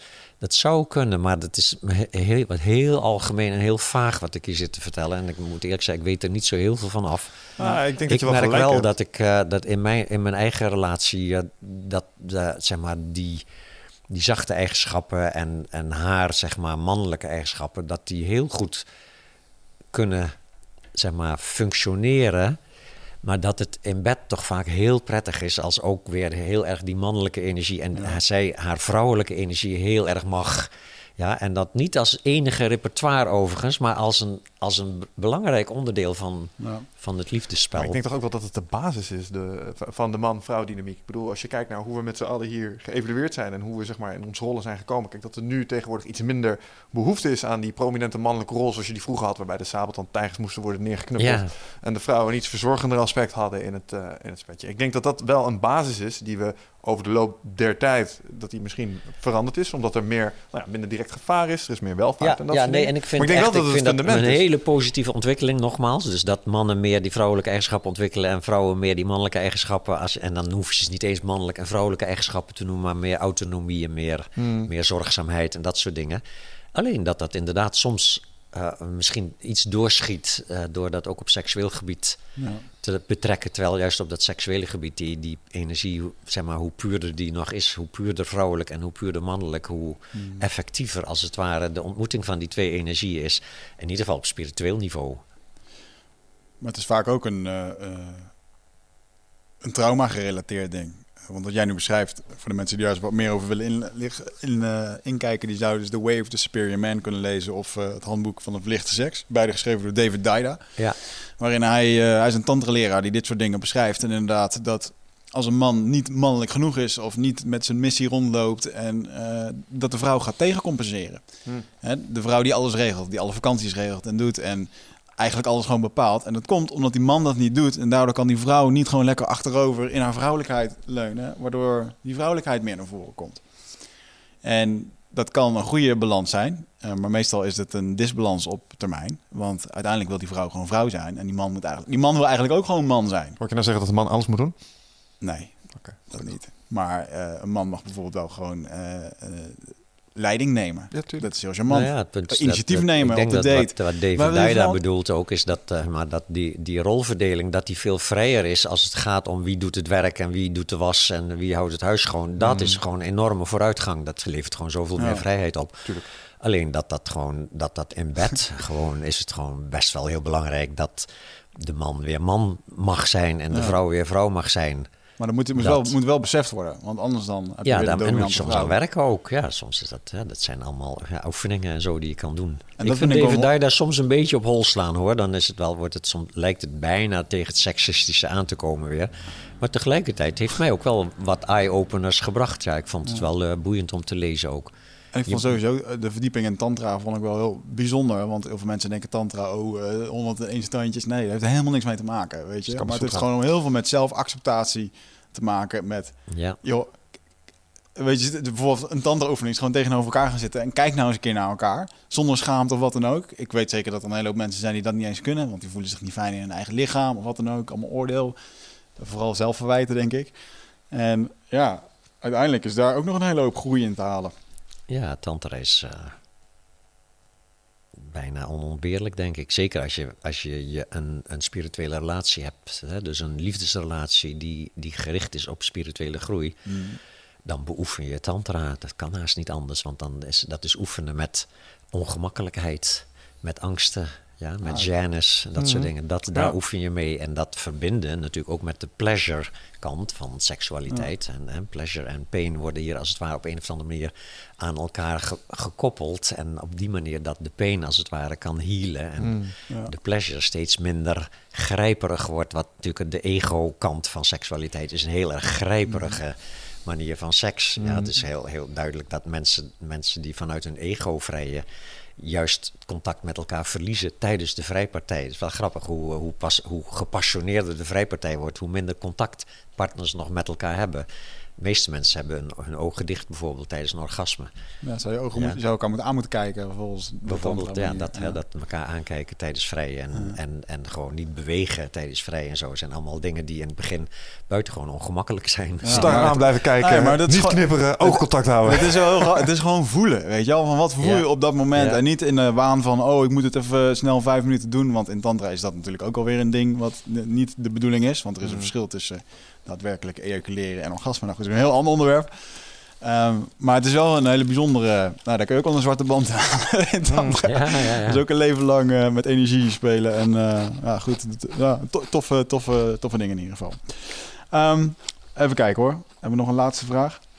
Ehm, ja, die hebben we al wel een beetje beantwoord. Doe hem toch Eh, maar. Een voorbeeld. Iemand, een vrouw, heeft geen echt vaardige figuur, figuur gekend... en valt op een eh, stuk oudere, plus 20 jaar mannen.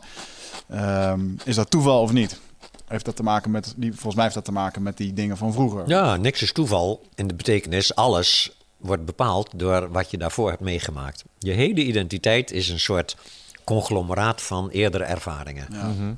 We denken dat daar een soort ik in zit als kern, maar die is er niet. Die wordt er als het ware opgeplakt. Dat is precies dat je denkt dat jij de denker van je gedachten bent. ja, dus jij denkt ook dat jij de eigenaar bent van jouw kwaliteiten, van jouw aangeleerde reactiepatronen. Ja, en dat is, wordt volledig bepaald door wat je als kind hebt meegemaakt en als jong. Alles wat je hiervoor hebt meegemaakt is als, is als het ware je identiteit. Ja, dus eh, dat je als je bijvoorbeeld geen vaderfiguur hebt gehad en je valt wat op oudere mannen, ja, prima. Ik bedoel, er is niks mis mee overigens Nee. ook. Ja, Het is gewoon een reactie op en dat is er. ja, ik bedoel, wat, we- hè, er is niks verkeerds aan. Totdat je natuurlijk, als je, als je merkt dat het, dat het telkens ellende oplevert in je leven, omdat je bijvoorbeeld ook daardoor bijvoorbeeld andere dingen telkens misloopt. Of zo, dat zou kunnen natuurlijk. En dan kan je misschien eh, je blikveld wat leren verruimen met, met therapie en training en wat dan ook. Maar verder is natuurlijk, zeg ik als oudere man met een jongere vriendin, is er niks mis mee met een relatie met een oudere man. Hoeveel jongen? Ik moet, ja, ik wil het zeggen, ik moet het toch even weten. Heel veel. Ja, heerlijk. Ik, eh hoeveel, is dat- hoeveel tijd zitten we? Eh, we zitten inmiddels bijna op de twee uur. Ah, oké, oké. Ja. Dan, eh, wat wou je zeggen? Ja, nee, waarom dat toch op een of andere manier pluspunt is dan. Dat komt toch ergens in mijn hoofd. Denk ik, wel, goed gedaan. Is dat niet onze genetische aap die zegt, ja, Ja, jonge vruchtbare vrouw, eh, dat is top? Maar toch merk ik dat het een grijns op mijn gezicht overt als hij dat zegt. Ja, goed. eh, Ja, nee, verder is eh, volmaakt, maar ze is wel 20 jaar jonger, ja. mm, nou, Ja. Goed gedaan, Jan. ja, dat wou ik dus ook zeggen.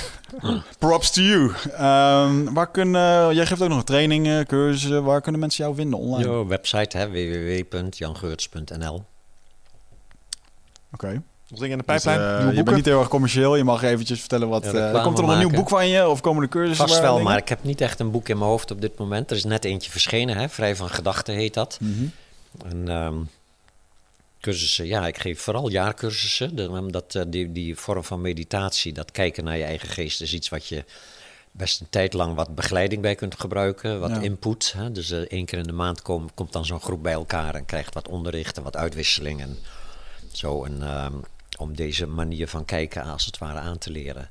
Nou, leuk. En, eh, jaarcursussen en dan ja, af en toe een retraite en op een mooie plek in de natuur. En van de zomer zit ik dan een, een maand in Frankrijk voor cursussen en zo. ehm, enfin, ja, dat soort leuke dingen. Mooi. Mooi leven. Ja. Ja, hoor. Mm. Ja, volgens mij... ehm, ik had het hier onlangs met een Braziliaanse shamaan over. En die zei, eh Wigert, relaties zijn de universiteit van het leven. Ja, En je hebt het, eh, ja, ja, misschien heb je het wel makkelijk gemaakt vanavond. Ik denk dat er is een, er is een hele hoop. Ja, je kunt het helemaal zelf invullen zoals je zelf wil. Maar ik vind dat je het heel mooi vertelt. En eh, eh, ik denk dat een hele hoop mensen ook moeten, gewoon, moeten gaan beseffen dat geluk niet iets is waar je naartoe kan reizen. Of wat je kan bezitten. Of wat je kan verdienen. Of wat je kan, kan dragen. En dat het gewoon een spirituele ervaring is. waarbij je iedere minuut leeft met ja, liefde, gezegendheid. En eh, leven in dankbaarheid. Hm. Ik denk dat dat eh, toch wel een beetje de kernboodschap is van een hele hoop. En ja, eh, volgens mij moeten we allemaal gaan mediteren. Ja.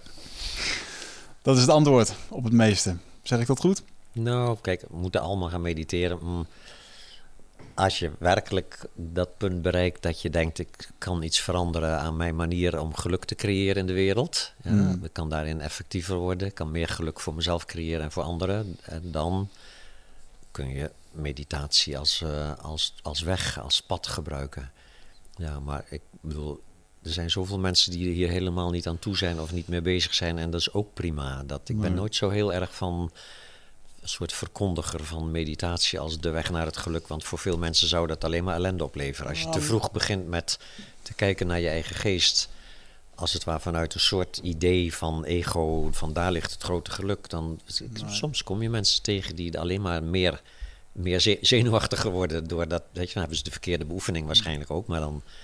Dus eh, nee, laat mensen maar gewoon eh, doen wat ze doen. Misschien dat mensen in dat opzicht meer baat hebben bij die mantra die je... eh, Geef niks, mag best. dat Laat mooie. maar even, Ja, ja. dat is wat soepeler inderdaad. Ja. Ja. Maar in ieder geval het is belangrijk dat je af en toe de confrontatie met jezelf eh, opzoekt. En eh, zowel voor eh, jezelf ja, als je hem als zelf niet opzoekt, dan komt de shit echt Dan wel komt op je af. toe, Dat eh, je kan erop gerust zijn, ook als je leven lekker loopt en je denkt, wat een onzin, spiritualiteit, ik heb het goed naar mijn zin en ik heb dat allemaal niet nodig.